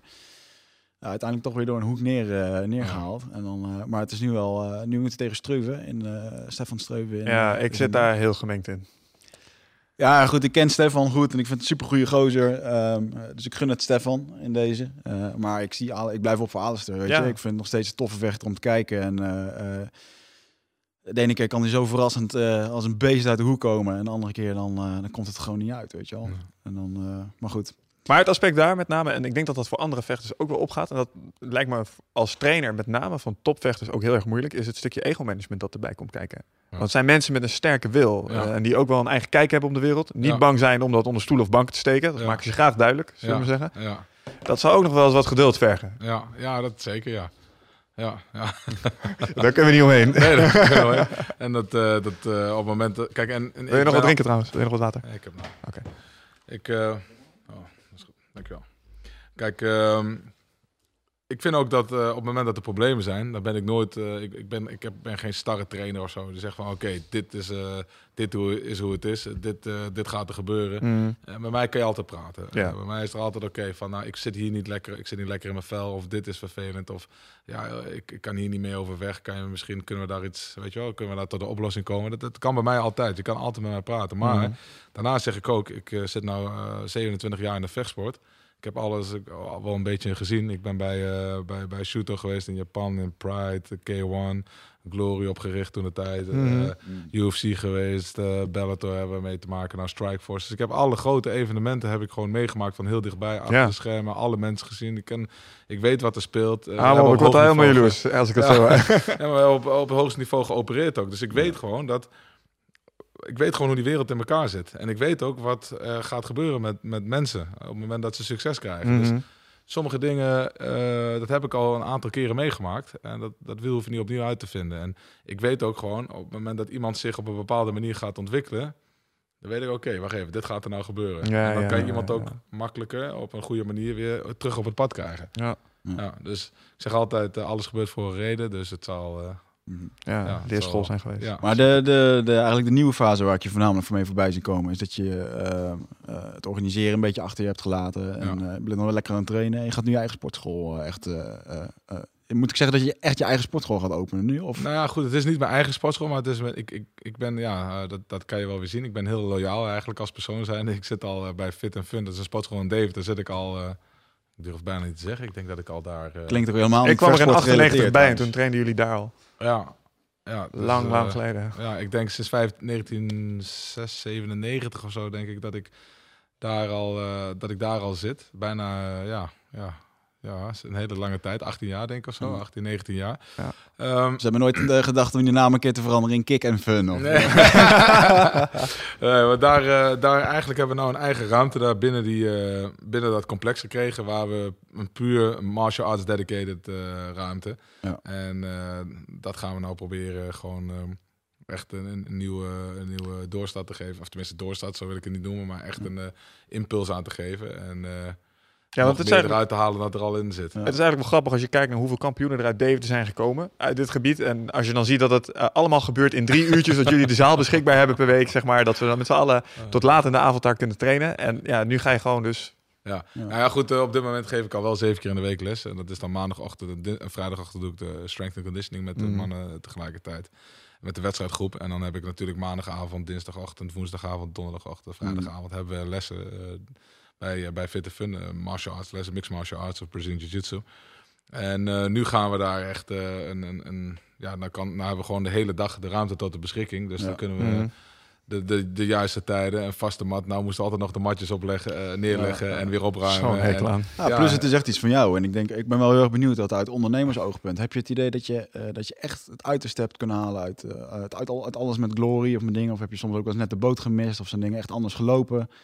Hoe heb je dat ervaren? Ehm, nou ja, goed. Ik, ik, ik heb eigenlijk eh, voor alles wat ik heb gedaan in mijn leven heb ik eh, eigenlijk geen, heb ik geen spijt van. Ik denk dat alles eh, op een goede ja gebeurt ook voor een reden wat ik al zei. Ik denk dat ja, natuurlijk heb je altijd dingen wat beter kan, eh, altijd dingen die, die anders hadden kunnen lopen. Maar ik, ik denk dat ik nou gewoon op de goede weg zit en ik heb ja, ik, ik, ik, denk wel dat het dat het nou nog weer beter gaat, weer naar een nieuw niveau getild gaat worden. Ja. Dus ik merk het ook aan veel buitenlandse vechters. Er is net weer een jongen uit eh, Roemenië komen rijden met de auto naar Nederland. En die blijft dan een maand trainen, gaat even weer terug en dan blijft hij voor goed in Nederland. Ik heb een Poolse jongen, wat ik al zei, Martin Prachtnio, Ja. die nou ondertussen al eh, bijna twee jaar zit. Eh, die kwam bij mij twee jaar geleden en die vroeg of hij een keertje mee mocht trainen. Hij had me al een, brie- een paar brieven gestuurd naar de sportschool toe. Hij had me al een mailtje gestuurd. Zijn vader was al gekomen. En Bosduif. ja, uiteindelijk was hij dus, eh, uiteindelijk kwam hij dus de sportschool binnen en eh, hij trainde mee. Ik zeg, nou, pittige jongen, die Kyokushin jongen. Ja. En eh, ik zeg tegen hem, Martin, hoe lang ga je eigenlijk blijven? Hij zegt, ehm, ja, totdat jij me kampioen hebt gemaakt, zei hij. Nou, hij zit ondertussen twee jaar en Dat is bijna- fucking dedication. ja, Ja, hij heeft drie kickboxpartijen in de B-klasse gedaan, allemaal gewonnen. Hij heeft ehm, eh, Nederlands kampioen grappling is hij geworden. Hij heeft volgens mij, hij is 6 en 1 in MMA. En eh, ja, hij heeft een aantal partijen weer op komst staan. Eh, eentje, de eerste is volgens mij in eh, FFC in eh, Slovenië Mooi. binnenkort. Dus eh, kijk, zulke soort jongens die komen in één keer op je pad. Eh, Xim Axel, Axel en Xim Samani. Eh, twee zwaargewichten, 20 jaar, 22 jaar, 120 kilo puur. Ja. En eh, die gewoon ook heel goed gaat. eh Xim gaat binnenkort ook bij een grote Amerikaanse organisatie tekenen. Dat zal denk ik volgende week bekend worden gemaakt. Mooi. Dus nou ja, Marloes Koenen die net weer bij Bellator heeft getekend. Een nieuwe fase ingaat. Vincent die het hartstikke goed doet bij One FC. Over een aantal weken weer, weer vecht daar. Ja. En, en zo gaat het maar door. Er komen Mhm. steeds meer mensen die, die, die langskomen, hard trainen. En, Ja, ik heb ook wel het idee dat voor, eh, voor een hele hoop, want Vincent draait ook al super lang mee. Ja. En eh, dat Ja. soort gasten krijgen wel in één keer een nieuwe kans door de Ja. hele ontwikkeling in het MMA. Ik moet trouwens zeggen dat hij in zijn laatste partij die hij dan op short notice had, ge- had gedaan, vond ik hem echt als een fucking beest uitzien. Hij is Ja. echt, hij zag er gewoon ripped uit en gewoon. Ja, helaas getraind. ging die partij niet zoals dat wij wilden. Hij zat niet echt lekker in zijn vel, eh, bleek dus tijdens de wedstrijd. Alles leek van tevoren goed te gaan. Na twee weken van, om voor te bereiden tegen Mhm. Karis Fodo, die eigenlijk eh, de number, in, eh, number one ranked was bij Strikeforce. Ja. Dat is ook geen kinderachtige jongen. Nee. Ik vroeg me altijd af waarom hij eigenlijk niet gewoon in de UFC zit, want hij is Amerikaanse jongen, toch? Ja, Karis, ja. hij heeft volgens mij één of twee partijen in de UFC gedaan, maar op een of andere manier... DNA pistig gemaakt zo. Ja. Ja, ik weet het niet. Het loopt niet lekker daar. Maar ehm, Maar hij heeft een flinke winstreak nu. eh, Ja, ja, hij doet het hartstikke goed ook. En, eh, en ja, eh, Vincent had ook kunnen winnen. Alleen, eh, ja, hij zat niet helemaal lekker in zijn vel. Maar hij kreeg, het ook, kreeg ook, omdat hij dus de partij op short notice had aangenomen... krijgt hij ook een andere partij heel binnenkort. Binnen vijf weken staat hij heel goed weer te knokken. Dus eh, top. Ja, ja, druk aan de bak dus. ja, ja. Leuk. We vliegen gewoon rustig door. Ja. Mooi. mooi. Hey, en ehm, als je kijkt naar eh eh Marloes Koenen, wat wel een van jouw uh, protégés is. Ja. Eh, die gaat nu naar Bellator. Ja, Eh, en je zegt, je zei net, eh, het is misschien wel de laatste run voor haar. ja. Eh heeft natuurlijk met leeftijd te maken. Ja, klopt. Wat, wat, is, wat is het gameplan? Wil je haar door laten stromen naar de UFC? Je moet ze tegen Ronda Rousey, wat uiteindelijk de- nu de nummer 1 is. Nou, Ronda die zit op 135, heeft Marloes vroeger gevochten ook. Mhm. Eh, is er twee keer kampioen in geworden. Alleen eh, 135 is toch, eh, toch net iets te veel gevraagd. Wat is dat in kilo's? Dat is eh 61,35. En zij loopt eh, minimaal 10 kilo eh, zwaarder rond. Mhm. Eh, dat is echt heel erg zwaar om voor een vrouw dat gewicht af te vallen. Voor een man is het al zwaar om 10 kilo af te vallen. Ja. Maar voor een vrouw is het nog veel zwaarder, omdat die natuurlijk al meer vocht vasthouden. Mm. Ehm, Het is overigens ook een proces wat een hele hoop luisteraars en mensen echt geen idee van hebben. Kutten. Om even 15 Ja. kilo af te vallen. Weight of 10 cutting, kilo, ja. of, Ja. Hij heeft allemaal te maken met vochtbalansen. Hoe, ga, hoe, hoe reguleer je dat? Vincent bijvoorbeeld, toen hij aankwam laatst in, eh, in, eh, in, in Cambodja. Toen was hij een dag voor de weging was hij nog 6 kilo te zwaar of zo. En uh, het ging er vrij makkelijk af hoor. Ja. Ja. Ja, ja, Maar het is gewoon puur hoe reguleer je dat. En, dat en mensen zeggen van, eh, vooral vrouwen zeggen dan...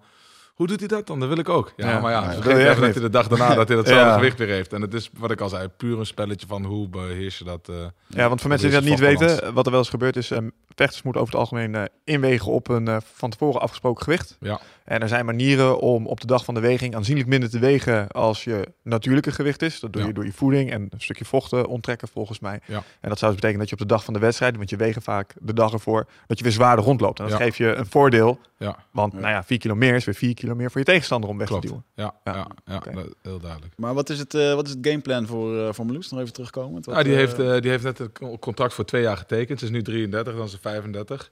Eh, ze heeft eh, een, een aantal partijen per jaar die ze kan vechten. En eh, we kijken gewoon aan hoe dat gaat. Het is ja, in principe Bellator is waar ze nu is. Bellator is waar ze zich lekker voelt. En waar ze, zich, ja, waar ze ook zou kunnen eindigen, zeg maar, haar carrière op een goede manier. En er zijn niet directe plannen om naar de UFC te gaan. Ook, ook omdat ze het gewichtsklasse waar ze in zit, dat is eh 145, ongeveer 66 kilo. Dat, zij daar, eh, dat hebben ze nog niet bij de UFC. Daar Nee. nog niet op, eh, Nee. die, die divisie hebben ze nog niet eh, ontwikkeld. Eigenlijk is ze net, eh, Vijf jaar te oud. vroeg. Ze is net vijf jaar te oud, Ja, weet je wel. ja. Omdat ze Ja. nog een mooie spurt mee kunnen. Ja. kunnen Maar ik moet Ja. zeggen, Bellator heeft ook een heel goed contract hoor. En eh, ik weet niet of ze hetzelfde contract bij de UFC zou kunnen krijgen. Mm. Eh, komt natuurlijk ook omdat de nieuwe CEO van, van Bellator, Scott Coker, die toen de tijd eh Strikeforce heeft opgebouwd en aan de UFC heeft verkocht. Maar eh, daar is Marloes dus ook twee keer wereldkampioen geweest. En Scott Coker is altijd heel erg gecharmeerd geweest van haar. Ja. Mm. En van haar vechtstijl. En daarom heeft hij haar ook weer eh, Goede promotor ook. teruggenomen eh, voor- ja. Ja. ja. Vind ik trouwens een leuke zijsprong. Wat voor een hele hoop mensen niet weten, is wat er, wat er, wat, wat er achter de schermen eh, afspeelt.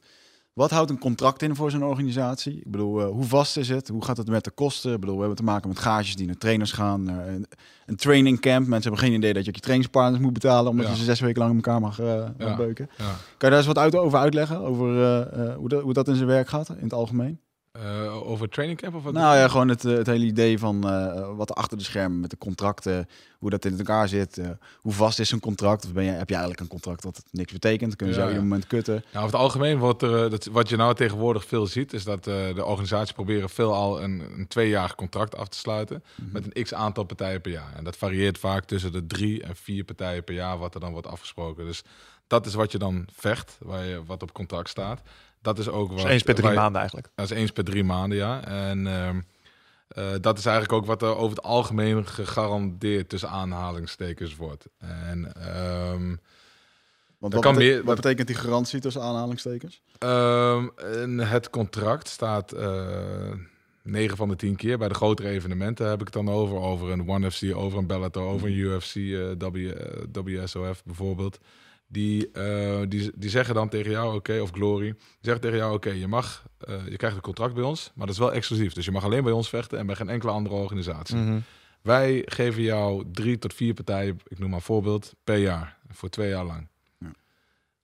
Dan heb jij een soort van zekerheid dat je vecht. Maar er staat altijd een clausule in dat ze jou altijd kunnen ontslaan. eh, bijvoorbeeld eh, als jij je misdraagt. Stel je bent een war Buiten de ring. machine en Je je tuigt je porno-actrice vriendinnetje af. Ja. En dat komt in het nieuws, dan mogen ze ontslaan. Dan mogen ze ontslaan, ja. snap ik. dat, eh, dan, eh, dan, eh, dan werk je niet mee aan de goede naam van, eh van Nee, Bellator terecht ook, ja. Ja, Eh, dat, dat is een van de redenen. Daarnaast is het zo, als jij bijvoorbeeld twee of drie keer achter elkaar verliest, kansloos binnen de eerste minuut, Ja. dan ziet die promotor waarschijnlijk ook geen hel meer in jou. Want waarom zouden mensen dan nog naar jou willen komen kijken? Mhm.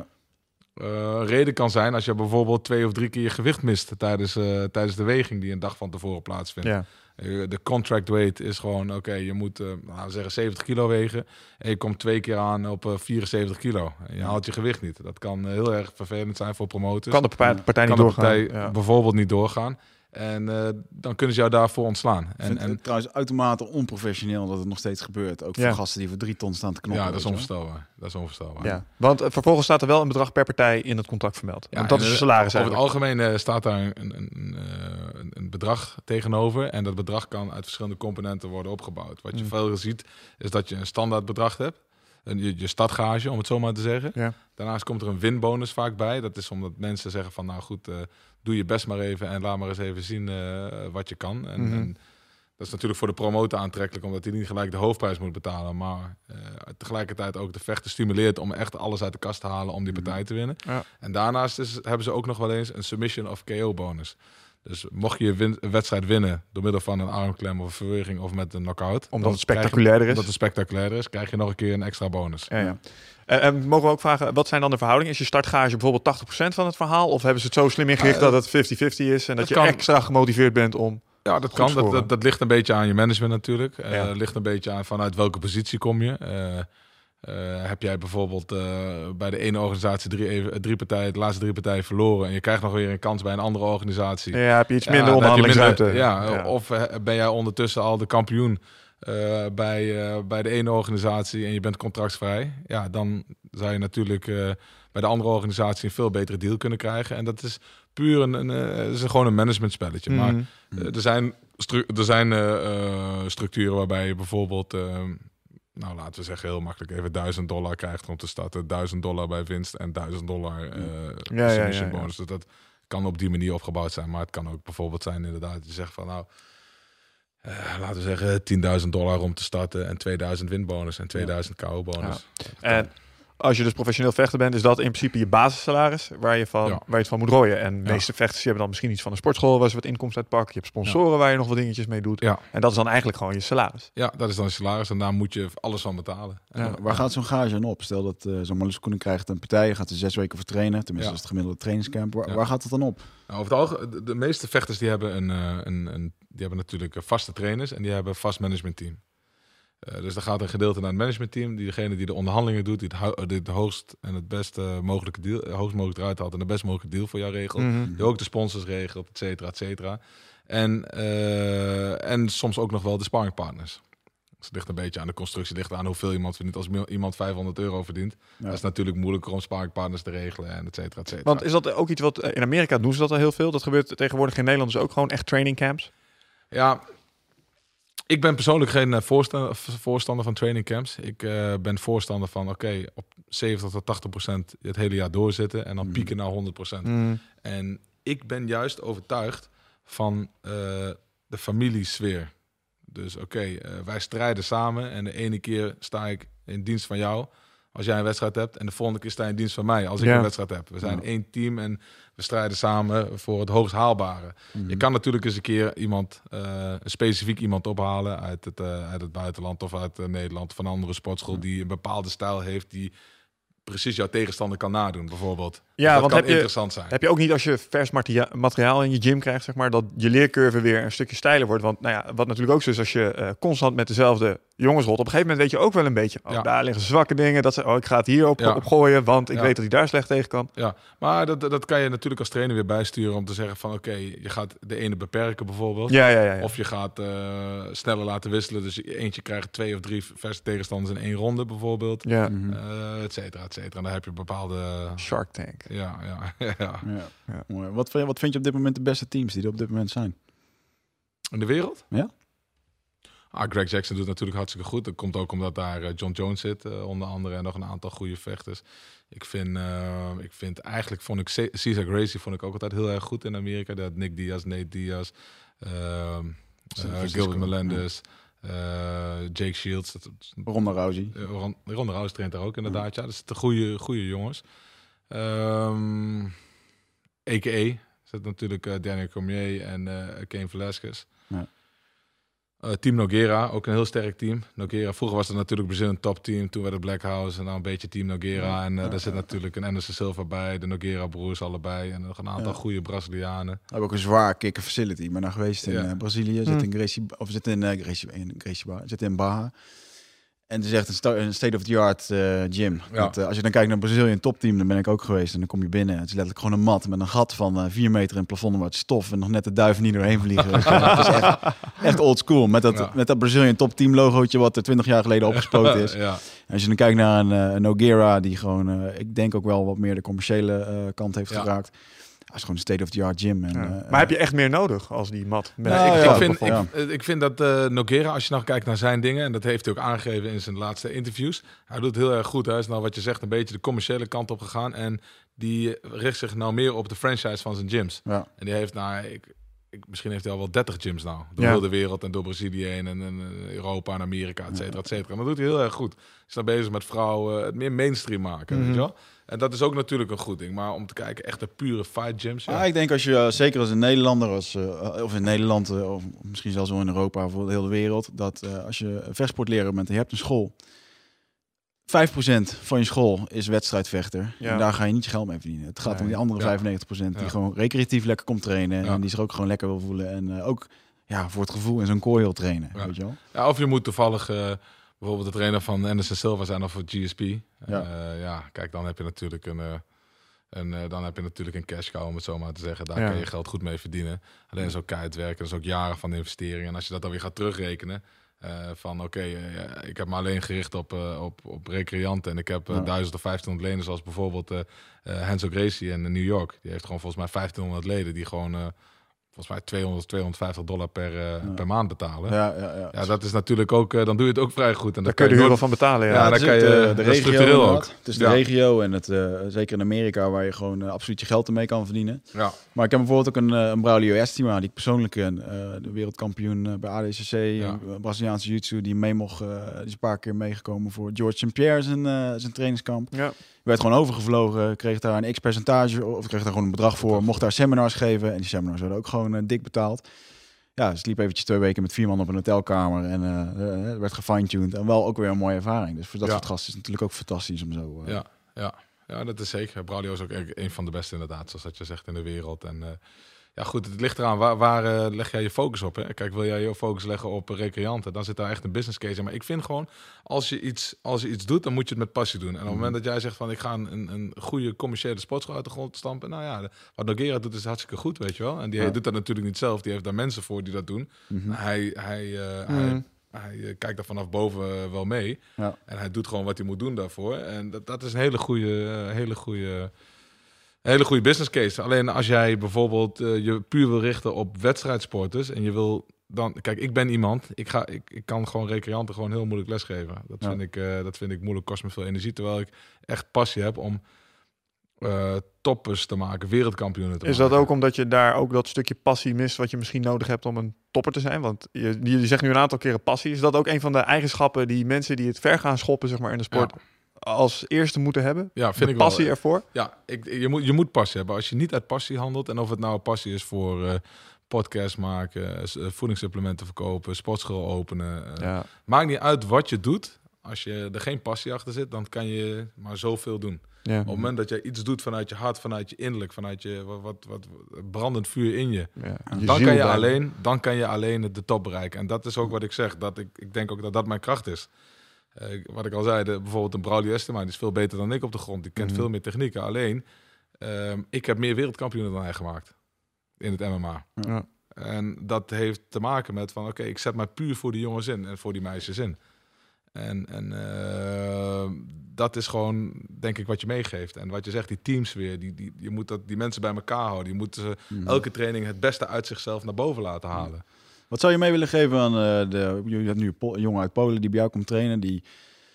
Wat ik al mooi vind, die eigenlijk al met het doel komt van... ik ga hier gewoon fucking kampioen worden en voor die Ja. tijd ga ik niet weg. Kijk, maar daar heel- hou ik van. Dat is passie. Ja, maar heel veel mensen komen, eh, en ik herken mezelf daar een beetje in, dat op een gegeven moment toen ik jong was, ik wist nooit goed wat ik wilde. En ik Ja. vond alles interessant. En eh tuurlijk, als je dan iemand, eh, zag ik een Remco vechten, of Ja. jongens als jullie, en dan dacht ik ook van ja, dat wil ik ook. Ja. Volgende mensen zag ik wat anders, dacht ik van ja, dat wil ik. Ja. Wat zou je willen meegeven aan degene, aan de jonge MMA-vechter die, die dit hoort en die denkt van ja, dit, ook, dit klinkt gewoon goed, ik wil het ook. Wat is een eh, stappenplan zodat hij gewoon eh, daarin kan meegroeien? Zonder dat hij daar eh, alles voor moet opgeven. eh? Want sommigen beslissen ook vaak uit emotie, maken daardoor de verkeerde beslissingen. Wat is een goed stappenplan voor iemand die zich gewoon een, weg wil, wil werken naar de top in het MMA? Ehm, ik denk dat je wel alles moet opgeven. En ehm, kampioen worden is heel veel doen. Is heel hard trainen. Is echt alles voor doen. Maar er is nog, je moet nog veel meer ervoor laten. Mhm. En die weg is keihard. En je moet zorgen dat je bij de beste zit. Want op het moment dat je met de beste traint, dan word je zelf ook de beste. Mhm. Je moet zorgen dat je goede mensen om je heen hebt. Want dat is gewoon het allerbelangrijkste. Je Ja. bent een product van je omgeving. Maar je moet er vol voor gaan. En niet naar links of naar rechts kijken. Nee, je moet vol voor gaan. Want als je dat niet doet, als je steeds maar een bepaalde zekerheid hier of daar inbouwt, dan eh, gaat het niet lukken. Ja. Ehm, als jij heel goed bent in schrijven en je vindt schrijven het allerleukste wat er is, dan moet je gewoon gaan schrijven. En dan kan je en gewoon puur op het focussen op het schrijven. Ook al denk je van ja, wat kan ik nou verdienen met schrijven? Mhm. Nou ja, nou ik ga eens kijken naar degene die Harry Potter heeft geschreven, Ja. bijvoorbeeld. Als jij bijvoorbeeld heel leus, lezen heel leuk vindt, dan ga maar eens, eh, dan moet je alles, dan moet je gewoon focussen op lezen. Er zijn Mhm. genoeg banen te bedenken waardoor je, door, waardoor je met lezen heel veel geld kan verdienen, bijvoorbeeld. Je moet gewoon gaan 100% voor wat je wil. En als je Ja. dat niet doet, en dat heb ik zelf ook meegemaakt in het verleden, dan gaat het niet lukken. En, en, en dat is echt heel erg belangrijk. Waarbij bij vechtsport het natuurlijk ook nog eens zo geldt dat je jezelf in een situatie brengt die op zich eh, fysiek ook wel gevaarlijk is voor Ja, je. Hè? Dan gaat een eh, persoon eh, gaat echt proberen om jou knock-out te slaan. Dat is niet iets waar je zomaar even in aankloot. Ik bedoel, daar moet je echt wel op voorbereiden. Dat moet Dat je moet je serieus behandelen. En, en, en degene die, die het gaan maken, zijn degene die gewoon door blijven gaan. En Mhm. Mensen zeggen altijd, het is heel makkelijk om excuus te maken. Ja, maar eh, ja, hoe moet ik dan eh, rondkomen? Hoe Mhm. moet ik dan? Ik moet twee keer per dag trainen. Er zijn mogelijkheden om twee keer per dag te trainen, vijf dagen in de week. Mhm. Maar daarnaast heb je ook nog een weekend. Ja. Daarnaast heb je ook nog de uren tussen je trainingen in. En ik zeg niet dat het optimaal is. eh, maar Of leuk. Je moet beginnen, of leuk, maar je moet beginnen een keer. Mhm. En wat ik vroeger deed bijvoorbeeld, dan hebben we het over, over Remco toevallig een aantal keren gehad. Ik ging vroeger, zat ik op school. En dan pakte ik de woon ik in Diepveen bij mijn ouders. Dan pakte ik de fiets eh, naar het station hier. Dat, eh, dat duurde ongeveer 20 minuten.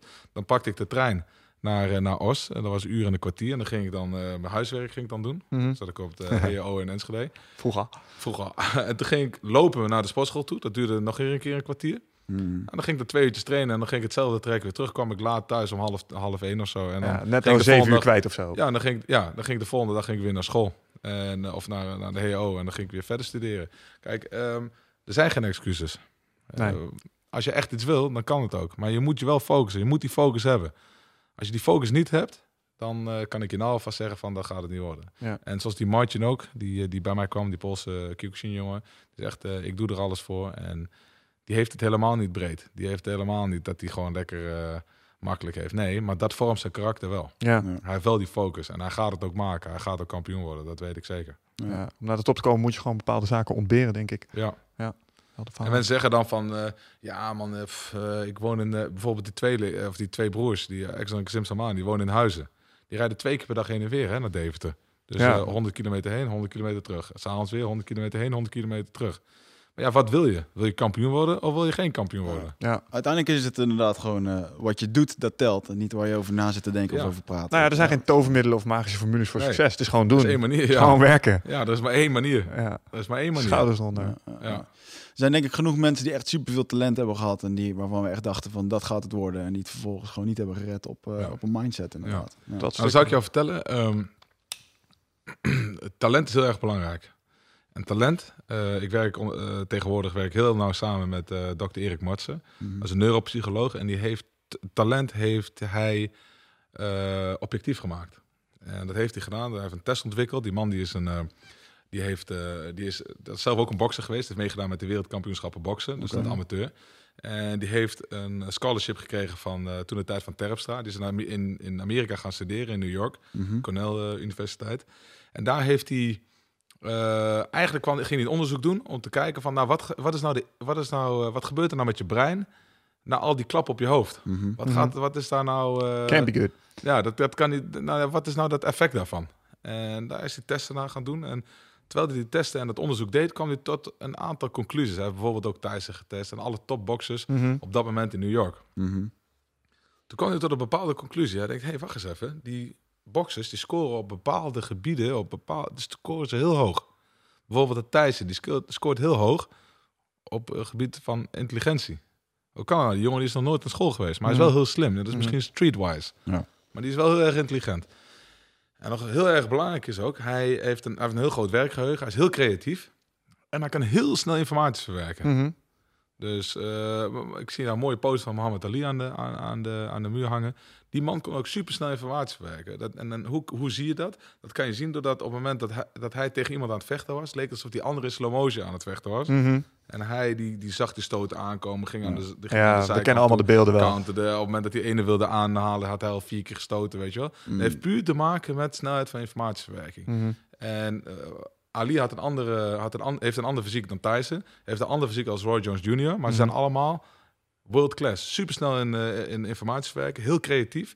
En, en daardoor een heel groot eh, werkgeheugen. En door die neurologische onderzoeken kon hij dat dus vaststellen. kan je mensen. meten van, oké, Ja, hoe, hoe, hoe, hoe zit het in elkaar? Nou, daarnaast, en dan, heb je het over, dan hebben we het net over gehad, talent, wasted talent eigenlijk. Mhm. Mhm. Die, eh, die mensen die wel, ja, die pakken heel snel dingen op. Die waren heel snel, kunnen de dingen heel snel zien in de wedstrijd. En die verwerken dat goed en die kunnen ermee omgaan. Alleen, ze missen die mentaliteit. En Ja. ook dat heeft eh, die dokter Erik Matsen heeft dat in een bepaald, eh, eh, die heeft er ook een, een, een testserie van gemaakt waarin hij gaat kijken van, oké, wat zijn zijn mot- motivational factors eigenlijk? Mhm. Dus hoe dominant ben jij? Hoe graag wil jij controle hebben over jezelf en over je omgeving? Ja, wat zorgt ervoor dat als jij toch geen zin hebt, dat je alsnog Dat je toch aan de bak gaat? gaat, Ja. Ehm, hoe analytisch, analytisch ben je ingericht? Mhm. Dus eh, hoe, hoe erg ben je geïnteresseerd in chit-chat en eh, bla bla bla. Dat, of Mhm. ga je straight to the point, bam, dit is voor mij belangrijk en dit ga ik gewoon doen. Ja. Kijk, en dat zijn een aantal dingen. Hoe erg kun je out of the box denken? Ja. Als je kijkt naar een John Jones bijvoorbeeld, je denkt gewoon helemaal out of the box. Ja. En die is heel snel in informatie verwerken. GSP heeft dat ook. Ja, want een gevecht is En- eigenlijk gewoon een puzzel of een probleem om Ja. op te lossen. Ja, en als je kijkt naar Van Persie, die, die, die ziet het ook. Die kan heel snel berekeningen maken. En dat heeft te maken met zijn intelligentie en zijn werkgeheugen. Ja. Die zie je heel snel berekeningen maken. En die, die, die springt in één keer in de lucht en die kopt zo een bal erin. Ja. Ik van, hoe kan dat nou? Hij, hij, die bal komt van achter. Hij ziet hem bijna niet aankomen, maar hij Mhm. heeft hem ergens in de ooghoek gezien. Hij kan heel snel berekeningen maken. Ja. En pam, raakt hij precies op het goede moment. Nou, dat heeft...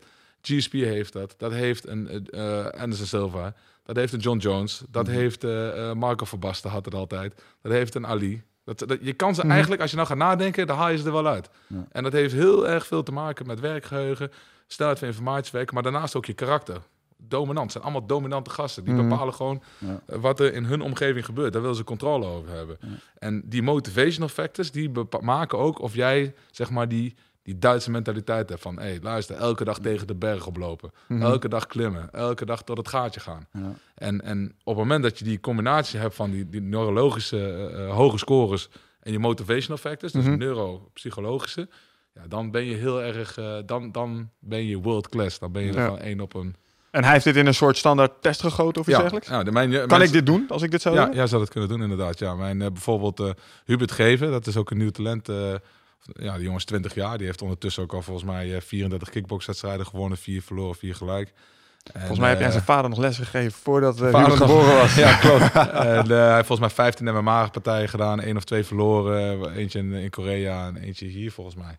Maar voor de, gewoon ook alles gewonnen. Dus Mm. die is 20 jaar. En die, die heeft nog een hele lange, eh, hele lange eh, weg te gaan. Maar die scoorde heel hoog. Ja. Ook bij die, bij die... En dat, dat kwam eigenlijk zo. Die, die neuropsycholoog die vroeg aan mij... Hey, stuur eens even wat jongens langs. Want ik wil eens eventjes kijken. Ik wil die test even met je. Guinea pigs. Wat, ja, wat vind je daar? Wat, wat, eh, ik wil eens even jouw mening daarover horen. Dus ik denk, nou, laat ik eerst even die Hubert sturen. Want Mm. ik, ik denk dat dat wel een talentje is. Want eigenlijk weet je het zelf wel. Ja. Maar je wil het eventjes objectief hebben. Nou, hebben hem, eh, hebben hem erheen gestuurd. En ik denk eh, drie uur later kreeg ik al een telefoontje. Ja hoor, we hebben er weer een. We hebben een winnaar. En dat bleek ook, die scoorde heel hoog. Hm. En die mensen moet je ook anders benaderen. Die moet je ook anders lesgeven. Ja. Die hoef je niet eh, één techniek eh, eh, 80 keer te laten Gaan doen. ze zich vervelen Ja, waarschijnlijk ook. gaan zich vervelen. Eh, die moet je eh, veel variatie aanbieden. Eh, die kan je in als je met anderen een combinatie van drie doet, kan je met hem een combinatie van zes doen, bijvoorbeeld. Ja. Weet je wel? Ook om het uitdagend te houden Ja, voor hem. uitdagend te Mm. houden, out of the box, andere dingen doen. Laat hem een beetje wat vrijer. Ga hem niet in een keurslijf gieten. Nee, ga gewoon eh, kijken. En dat, dat zeg ik, dat is heel erg belangrijk. Dat is als trainer is belangrijk dat je die talenten leert te herkennen. Mhm. En dat je die ook de ruimte geeft. Want heel vaak is zo, hey, luister, dit is mijn weg. En, zo, en vooral de traditionele eh, martial arts heeft dat Mhm. dit is mijn weg en hier eh, zo moet het. Nee, je moet kijken, oké, hoe zit iemand in elkaar? Iemand in elkaar. Wat zijn zijn motivational factors, weet je wel? En, Ja. Ja, het is wel, eh, wel, wel mooi dat neuropsychologisch wel interesseert ons natuurlijk ook van, Ja. van Nutrofit, weet je wel. En maar eh, de laatste tijd is een nieuw boek uitgekomen. Dat heet eh, eh, Rise of the Superman, geschreven door Steven Kotler. En dat beschrijft hoe dat de atleten in een bepaalde flow staat komen. En dat heeft hij proberen te meten. En dat zo'n flow state, Ja.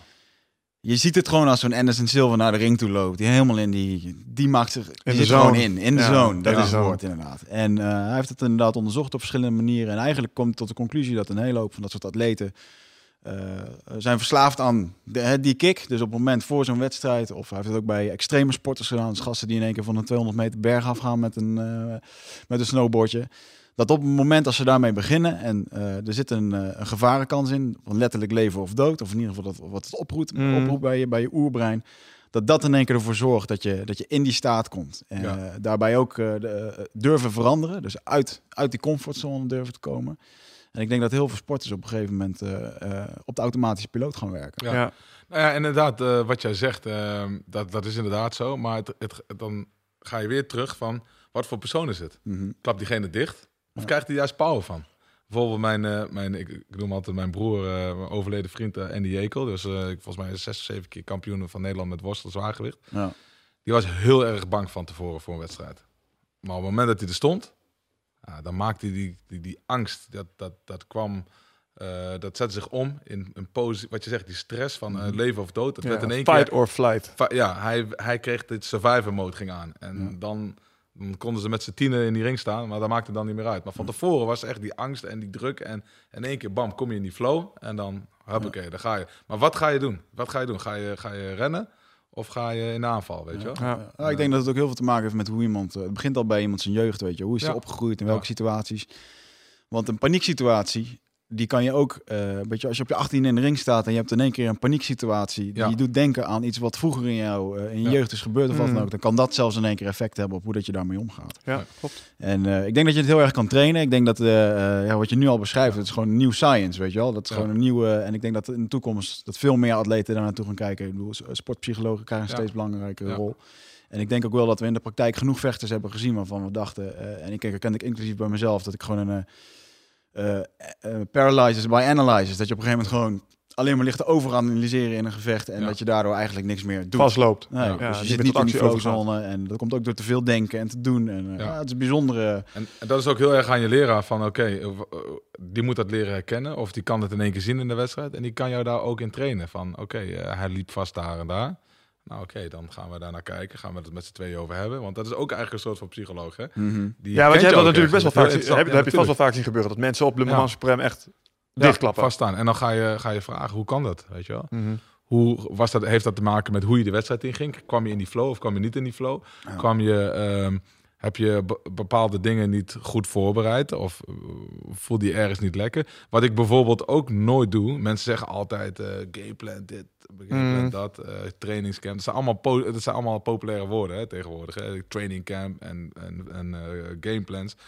Oké, ik, ik zeg niet dat ik nooit een gameplan heb voor mijn jongens, maar ik heb nooit een strikt gameplan. Want op het moment dat jouw gameplan niet werkt, Ja, Ja, en je dan? afhankelijk. Ja, dan maar keer raak je in paniek dus. En dan denk ik van, wow, wacht eens eventjes, het lukt allemaal niet. Je aan het moet- begin zeiden we het al, hè? dus Iedereen heeft daarom- een plan totdat je geraakt wordt. ja, dus jij moet gewoon een hele brede basis hebben. En wat ik altijd doe, ik maak voor elke, voor, voor, voor mijn top mensen, zeg maar, die in de ring staan op hoog niveau vechten, maak ik een SWOT-analyse.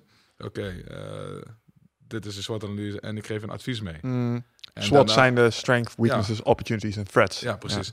En, en die. Eh, eh, en ik geef tijdens de trainingen geef ik een hele brede basis mee, maar steeds stuur ik aan op een bepaald onderdeel. Wat voor kan komen, weet je wel. Mhm. Wat heel vaak voorkomt bij een bepaalde vechter waar eh, hij of zij tegen staat. Dus ik wil dat. Ik, ik maak het best wel breed, omdat, je niet, omdat ik geen panieksituaties situaties wil hebben in de ring. Ja, want je kan niet voorspellen hoe het gaat lopen. Nee, precies. Maar sommige mensen zeggen: oké, je gaat zo openen. Of hij gaat zo en zo openen. En dan ga jij op die manier op reageren. En dan opent hij anders. En dan Ja. begin je wedstrijd alweer heel kloot. Het is eigenlijk ook gewoon Ja. een soort schaakspelletje tussen de Ja. coaches. Ja, ja, precies. Bijvoorbeeld, ik, eh, ik vind het bijvoorbeeld ook heel erg belangrijk dat iedereen links en rechts voor kan vechten. Mhm. Ik heb eh situatie gehad, Vincent, de eerste keer dat hij in One FC vocht, vocht hij tegen ook een, eh, een Nederlander. dus, ondertussen zijn het eigenlijk vrienden geworden. Mhm. Willy Nie en, en, en Vincent Latour zijn gewoon, gaan heel goed met elkaar om. Leuk. En Vincent stond over het algemeen links voor. Toen heb ik tegen hem gezegd, ga tegenover elkaar staan, links voor naar achter. Op het moment dat het gaat beginnen, ga je rechts voor staan. Oh, wacht eens even. Dus ja, die- dan moet ik aan eh, denken. ja, dan moet hij in één keer omschakelen. En ik wil dat jij, eh, mijn mensen moeten zowel links voor als rechts voor kunnen vechten. En ook tegen mensen die links en rechts voor kunnen staan. Mhm. Ja. Dus daarom wil ik dat zo breed mogelijk houden. Ja, want gemiddeld genomen, gebeurt. gemiddeld genomen is het zo dat de meeste mensen, omdat ze rechtsbenen zijn, links voor staan. Ja. Dus iedereen is gewend om te vechten met mensen die met linkerbeen voor staan. Ja, En ja. als iemand die zelf ook wel eens heeft gekickboxd, is het heel verwarrend als iemand plots Ja. een zuidpoot blijkt. Dus Ja. en met rechts voor staat en linkshandig is. Ja, Het, eh, Sia bijvoorbeeld, uh, Sia Bardezali is ondertussen, of toen de tijd onder mijn, onder mijn leiding, is hij drie keer wereldkampioen bij Shooto geworden in Japan. Mm. En in Brazilië heeft hij die wedstrijden gevochten. Maar de eerste keer dat hij vocht in Japan, vocht tegen iemand die altijd links voor vocht. Mhm. Terwijl hij, toen hij tegen Sia ging staan, stond hij rechts voor in één keer. Mhm. Maar wij konden heel snel op aanpassen. En eh, hij heeft de wedstrijd gewonnen voor de wereldtitel. Dus ja, eh, ja, als je dan helemaal in één keer van slag bent, ja, Ja. dan is het in Ja, en dat keer, komt eh, als je op training het al bij een aanraking bent geweest. Is Ja. een keer minder een probleem. Ja, Ja, oké. Ja. Leuk. Ja, zeker man. Snap ik. Hey, ik wil nog eventjes eh, terugkomen op eh, eh, de neuropsychologische eh, aspecten waar we net over hebben gehad. Onze Ja. show die wordt mede mogelijk gemaakt door, door Nutrofit. En Nutrofit die verkoopt onder andere Nootropica, zoals je hier ziet. We hebben onder andere een product Alpha Brain, wat ervoor zorgt dat je neurotransmitters in je, in je brein makkelijker functioneren of beter aangevuld worden. En je moet het eigenlijk zo zien dat je door basis van te weinig slaap, door stress, door niet goed eten, overtrainen, dat je in één keer eh, ja, eigenlijk gewoon niet genoeg voedingsstoffen in je, in je, in je lichaam hebt om, eh, om, te, om te kunnen werken. Eh, om dat optimaal te kunnen laten functioneren. En daar hebben we dus een, een product voor Alpha Brain. Eh, wat er eigenlijk voor zorgt dat je beter kan focussen, dat je geheugen beter, eh, beter zal werken. En eh, ik merkte het eigenlijk vooral heel erg de eerste keer. ik moest het drie keer doen voordat ik echt even het effect merkte. Maar toen Mm. ik op een gegeven moment ging ik ook trainen, moest ik een uurtje rijden op en neer. Na zo'n training helemaal gesloopt. En normaal reed ik altijd een beetje in zo'n waas terug naar huis. En dacht, oh ja, ik ben thuis. Kennen vast allemaal al pijn in vingers, ellebogen. Maar op een gegeven moment merkte ik, toen ik dit had gepakt, dat ik de derde dag, dat ik in één keer dacht van... Mijn lichaam is echt helemaal sore en moe, maar eh, mijn hoofd is echt nog kraakhelder. Ja. En eh, ik merk nu echt dat als ik dit 's ochtends pak, en ik heb een drukke baan, eh, gemiddeld eh, de afgelopen weken maak ik 84 uur per week. Mm. Eh, waar ik me nog steeds goed bij voel, want ik, eh, ik doe, eh, de passie die heb ik om wat- in wat ik doe. Ja, En, eh, maar ik merk wel dat eh eh, Nootropica als Elfenbrain daar zeker bij, eh, bij helpt. Ehm, ik zou zeggen, eh, kijk eens een keertje bij ons op de website. Eh Nutrofit is N-O-O-T-R-O-F-I-T. En eigenlijk eh, verkopen we een... eh, we zijn distributeur van een Amerikaans merk Onnit. Die ook erg actief is met het sponsoren van MMA-vechters. En eh, onder andere Joe Rogan, een bekend figuur in de, in, in de vechtsportscene. Die is deels eigenaar van, deze, van, van dit bedrijf. En is ook een groot aanhanger van natuurlijke en biologische producten. Ja. Dus eigenlijk alles wat je bij ons koopt is fully natural. Jij hebt hem ook geprobeerd, hè, de Alpha Brain. Ja, ja, ja, inderdaad, zoals je zegt, je blijft lekker scherp. Eh, ook al ben je moe, of eh, vooral als ik eh, belangrijke besprekingen heb op een dag ook. Het is toch wel fijn als je zo'n als je een alpha brain achter de hand hebt, waardoor je lekker scherp kan blijven en van de ene naar de andere meeting Ja. kunt gaan en scherp Ja. Je kop erbij houden als het ware. Ik geef nog wel eens workshopjes en ik eh, neem er altijd twee, eh, on- ongeveer een uurtje voor een workshop. En ik merk gewoon altijd dat, soms heb je dat, dan, dan vloeit een verhaal lekker. Het lijkt wel Ja. alsof, ja, het komt er beter en soepeler uit. Ja. Woorden komen makkelijker tot je en zo. Dus dat is Ja. op zich wel prettig. Ja. Oké, lijkt me een mooie afsluiter. Ehm, jullie kunnen naar de website gaan. Nogmaals, nutrofit.nl. Eh, gebruik de code eindbazen. Je hebt 5% korting op je, op je bestelling. Ehm, ik vond het echt een kikker eerste Ja, podcast. ik vond het echt super. En dit was sowieso de beste podcast ooit. ja, dat sowieso dat kan ook niet anders op dit moment, maar ja. Maar ik denk zeker dat we, eh bedoel, eh wij hebben niet zozeer een, een seizoen of een. eh, wij gaan dit gewoon doen en we hebben gezegd dat we 300 afleveringen gaan doen in ieder geval. En eh, ik hoop dat je zeker nog een keertje terugkomt. Ja, graag. Ik, eh, ik ben heel erg blij dat ik hier als eerste mocht zijn. En eh, ik eh, zie dat ook als een eer. En eh, ja, ik hoop eh, snel een keertje weer terug te mogen zijn. Perfect. Tuurlijk, ik hoop dat, eh, dat je business eh, of je nieuwe sportschool goed van de grond komt. En Ja, als het allemaal zover is, dan eh, laat het even weten en dan komen we weer eh, bij elkaar. Nou, hartstikke, hartstikke goed. Wil ik ook nog even van de gelegenheid gebruik maken, als jullie het niet erg vinden, om mijn eh, nieuwe eh, boek te promoten. Eh, Tuurlijk. Oh, hebben we het En, helemaal niet over gehad, man. Ja, je bent eigenlijk de Dat had je er best wel in mogen gooien trouwens, zit ik me net te Ja, bedenken. ik kwam er ook net even. Niet zo bescheiden, niet je zo had het over, bescheiden. Je had het over Alpha Brain en in één keer begonnen dingen weer te werken. Oh ja, we kunnen hier ook nog even iets weer over. Ik Ja. heb ook een business. Ja, ja, ja, ja. Nee, maar je mag even, de, absoluut. Want jij hebt eh, recentelijk een boek uitgebracht, Ja. samen met Edgar Kruining. Daar ben je Ja. al best wel lang mee aan het werk. Ja. Ehm, en ja, ook deels vanuit eh, die passie die je hebt voor vechtsport, wil je dat graag Ja. aan een zo breed mogelijk eh, publiek uitmeten. Ja. Eh, als ik dat boek koop, wat krijg ik precies? Ja, er staat, eh, er staat een stukje theorie in, eh, ook eh, geschiedenis. Hoe, is, hoe heeft kruis, de krijgkunst heeft zich ontwikkeld tot de moderne MMA-versies die er op dit Mm. moment zo populair zijn in de wereld. Daarnaast zit er een stukje van, oké, filosofie. Hoe ga je met, hoe, zie, hoe kijk ik tegen MMA aan? Welke verschillende fases heb je in het MMA? et cetera, et cetera. Er wordt heel erg uitgewerkt. Een stukje over Shuto, de ontwikkeling daarvan. in, in Japan en in het, in het buitenland.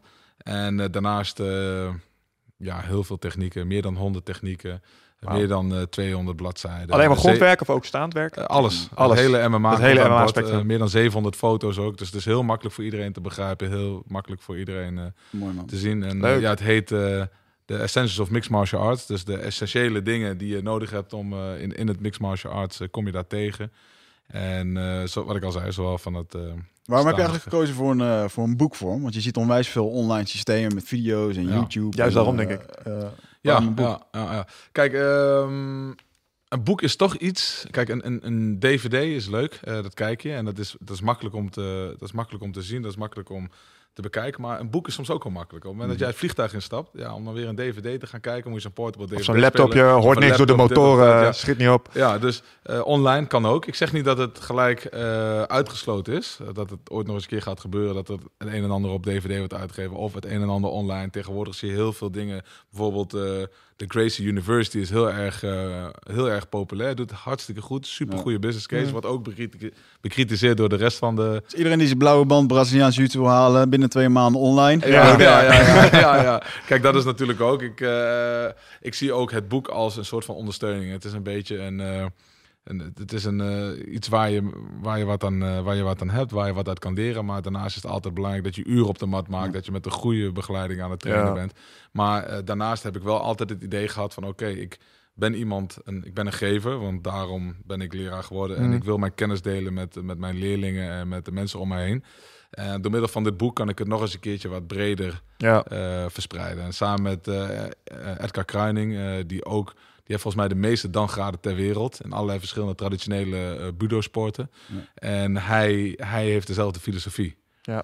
En wij met z'n tweeën hebben toen dat plan opgevat om een boek te schrijven. En eh, nou, van het een kwam het andere. En nu ligt er gewoon een, een, een, een boek van meer dan 200 pagina's eh, dik, en eh, 700 Moet goed foto's. voelen. Ja, en, Moet en, goed en, voelen. dat, is hartstikke, dat is hartstikke leuk. Ja. Nog één dingetje over boeken trouwens tegen, eh, tegenover digitale media. Ik las eh, recentelijk ergens een artikel eh, waarbij ze mensen eh, onder hersenscanners hadden gelegd. Sluit wel een beetje aan bij dat neuropsychologische waar je het er straks over had. Ja. Ehm, en dan kunnen ze dus kijken welke hersenregionen aangaan op het moment dat je bijvoorbeeld aan het lezen bent en informatie aan het verwerken. En er schijnt ook gewoon echt een verschil te zijn in de informatieretentie en de wijze waarop je informatie oppakt als je het leest versus het van een computerscherm afhalen. Ja. Dus dat zou ook nog een reden kunnen zijn om boeken een voorkeur te geven boven gewoon digitale media, omdat Ja. nou, je houdt het gewoon beter vast op een of andere manier. Absoluut. Ja, ja.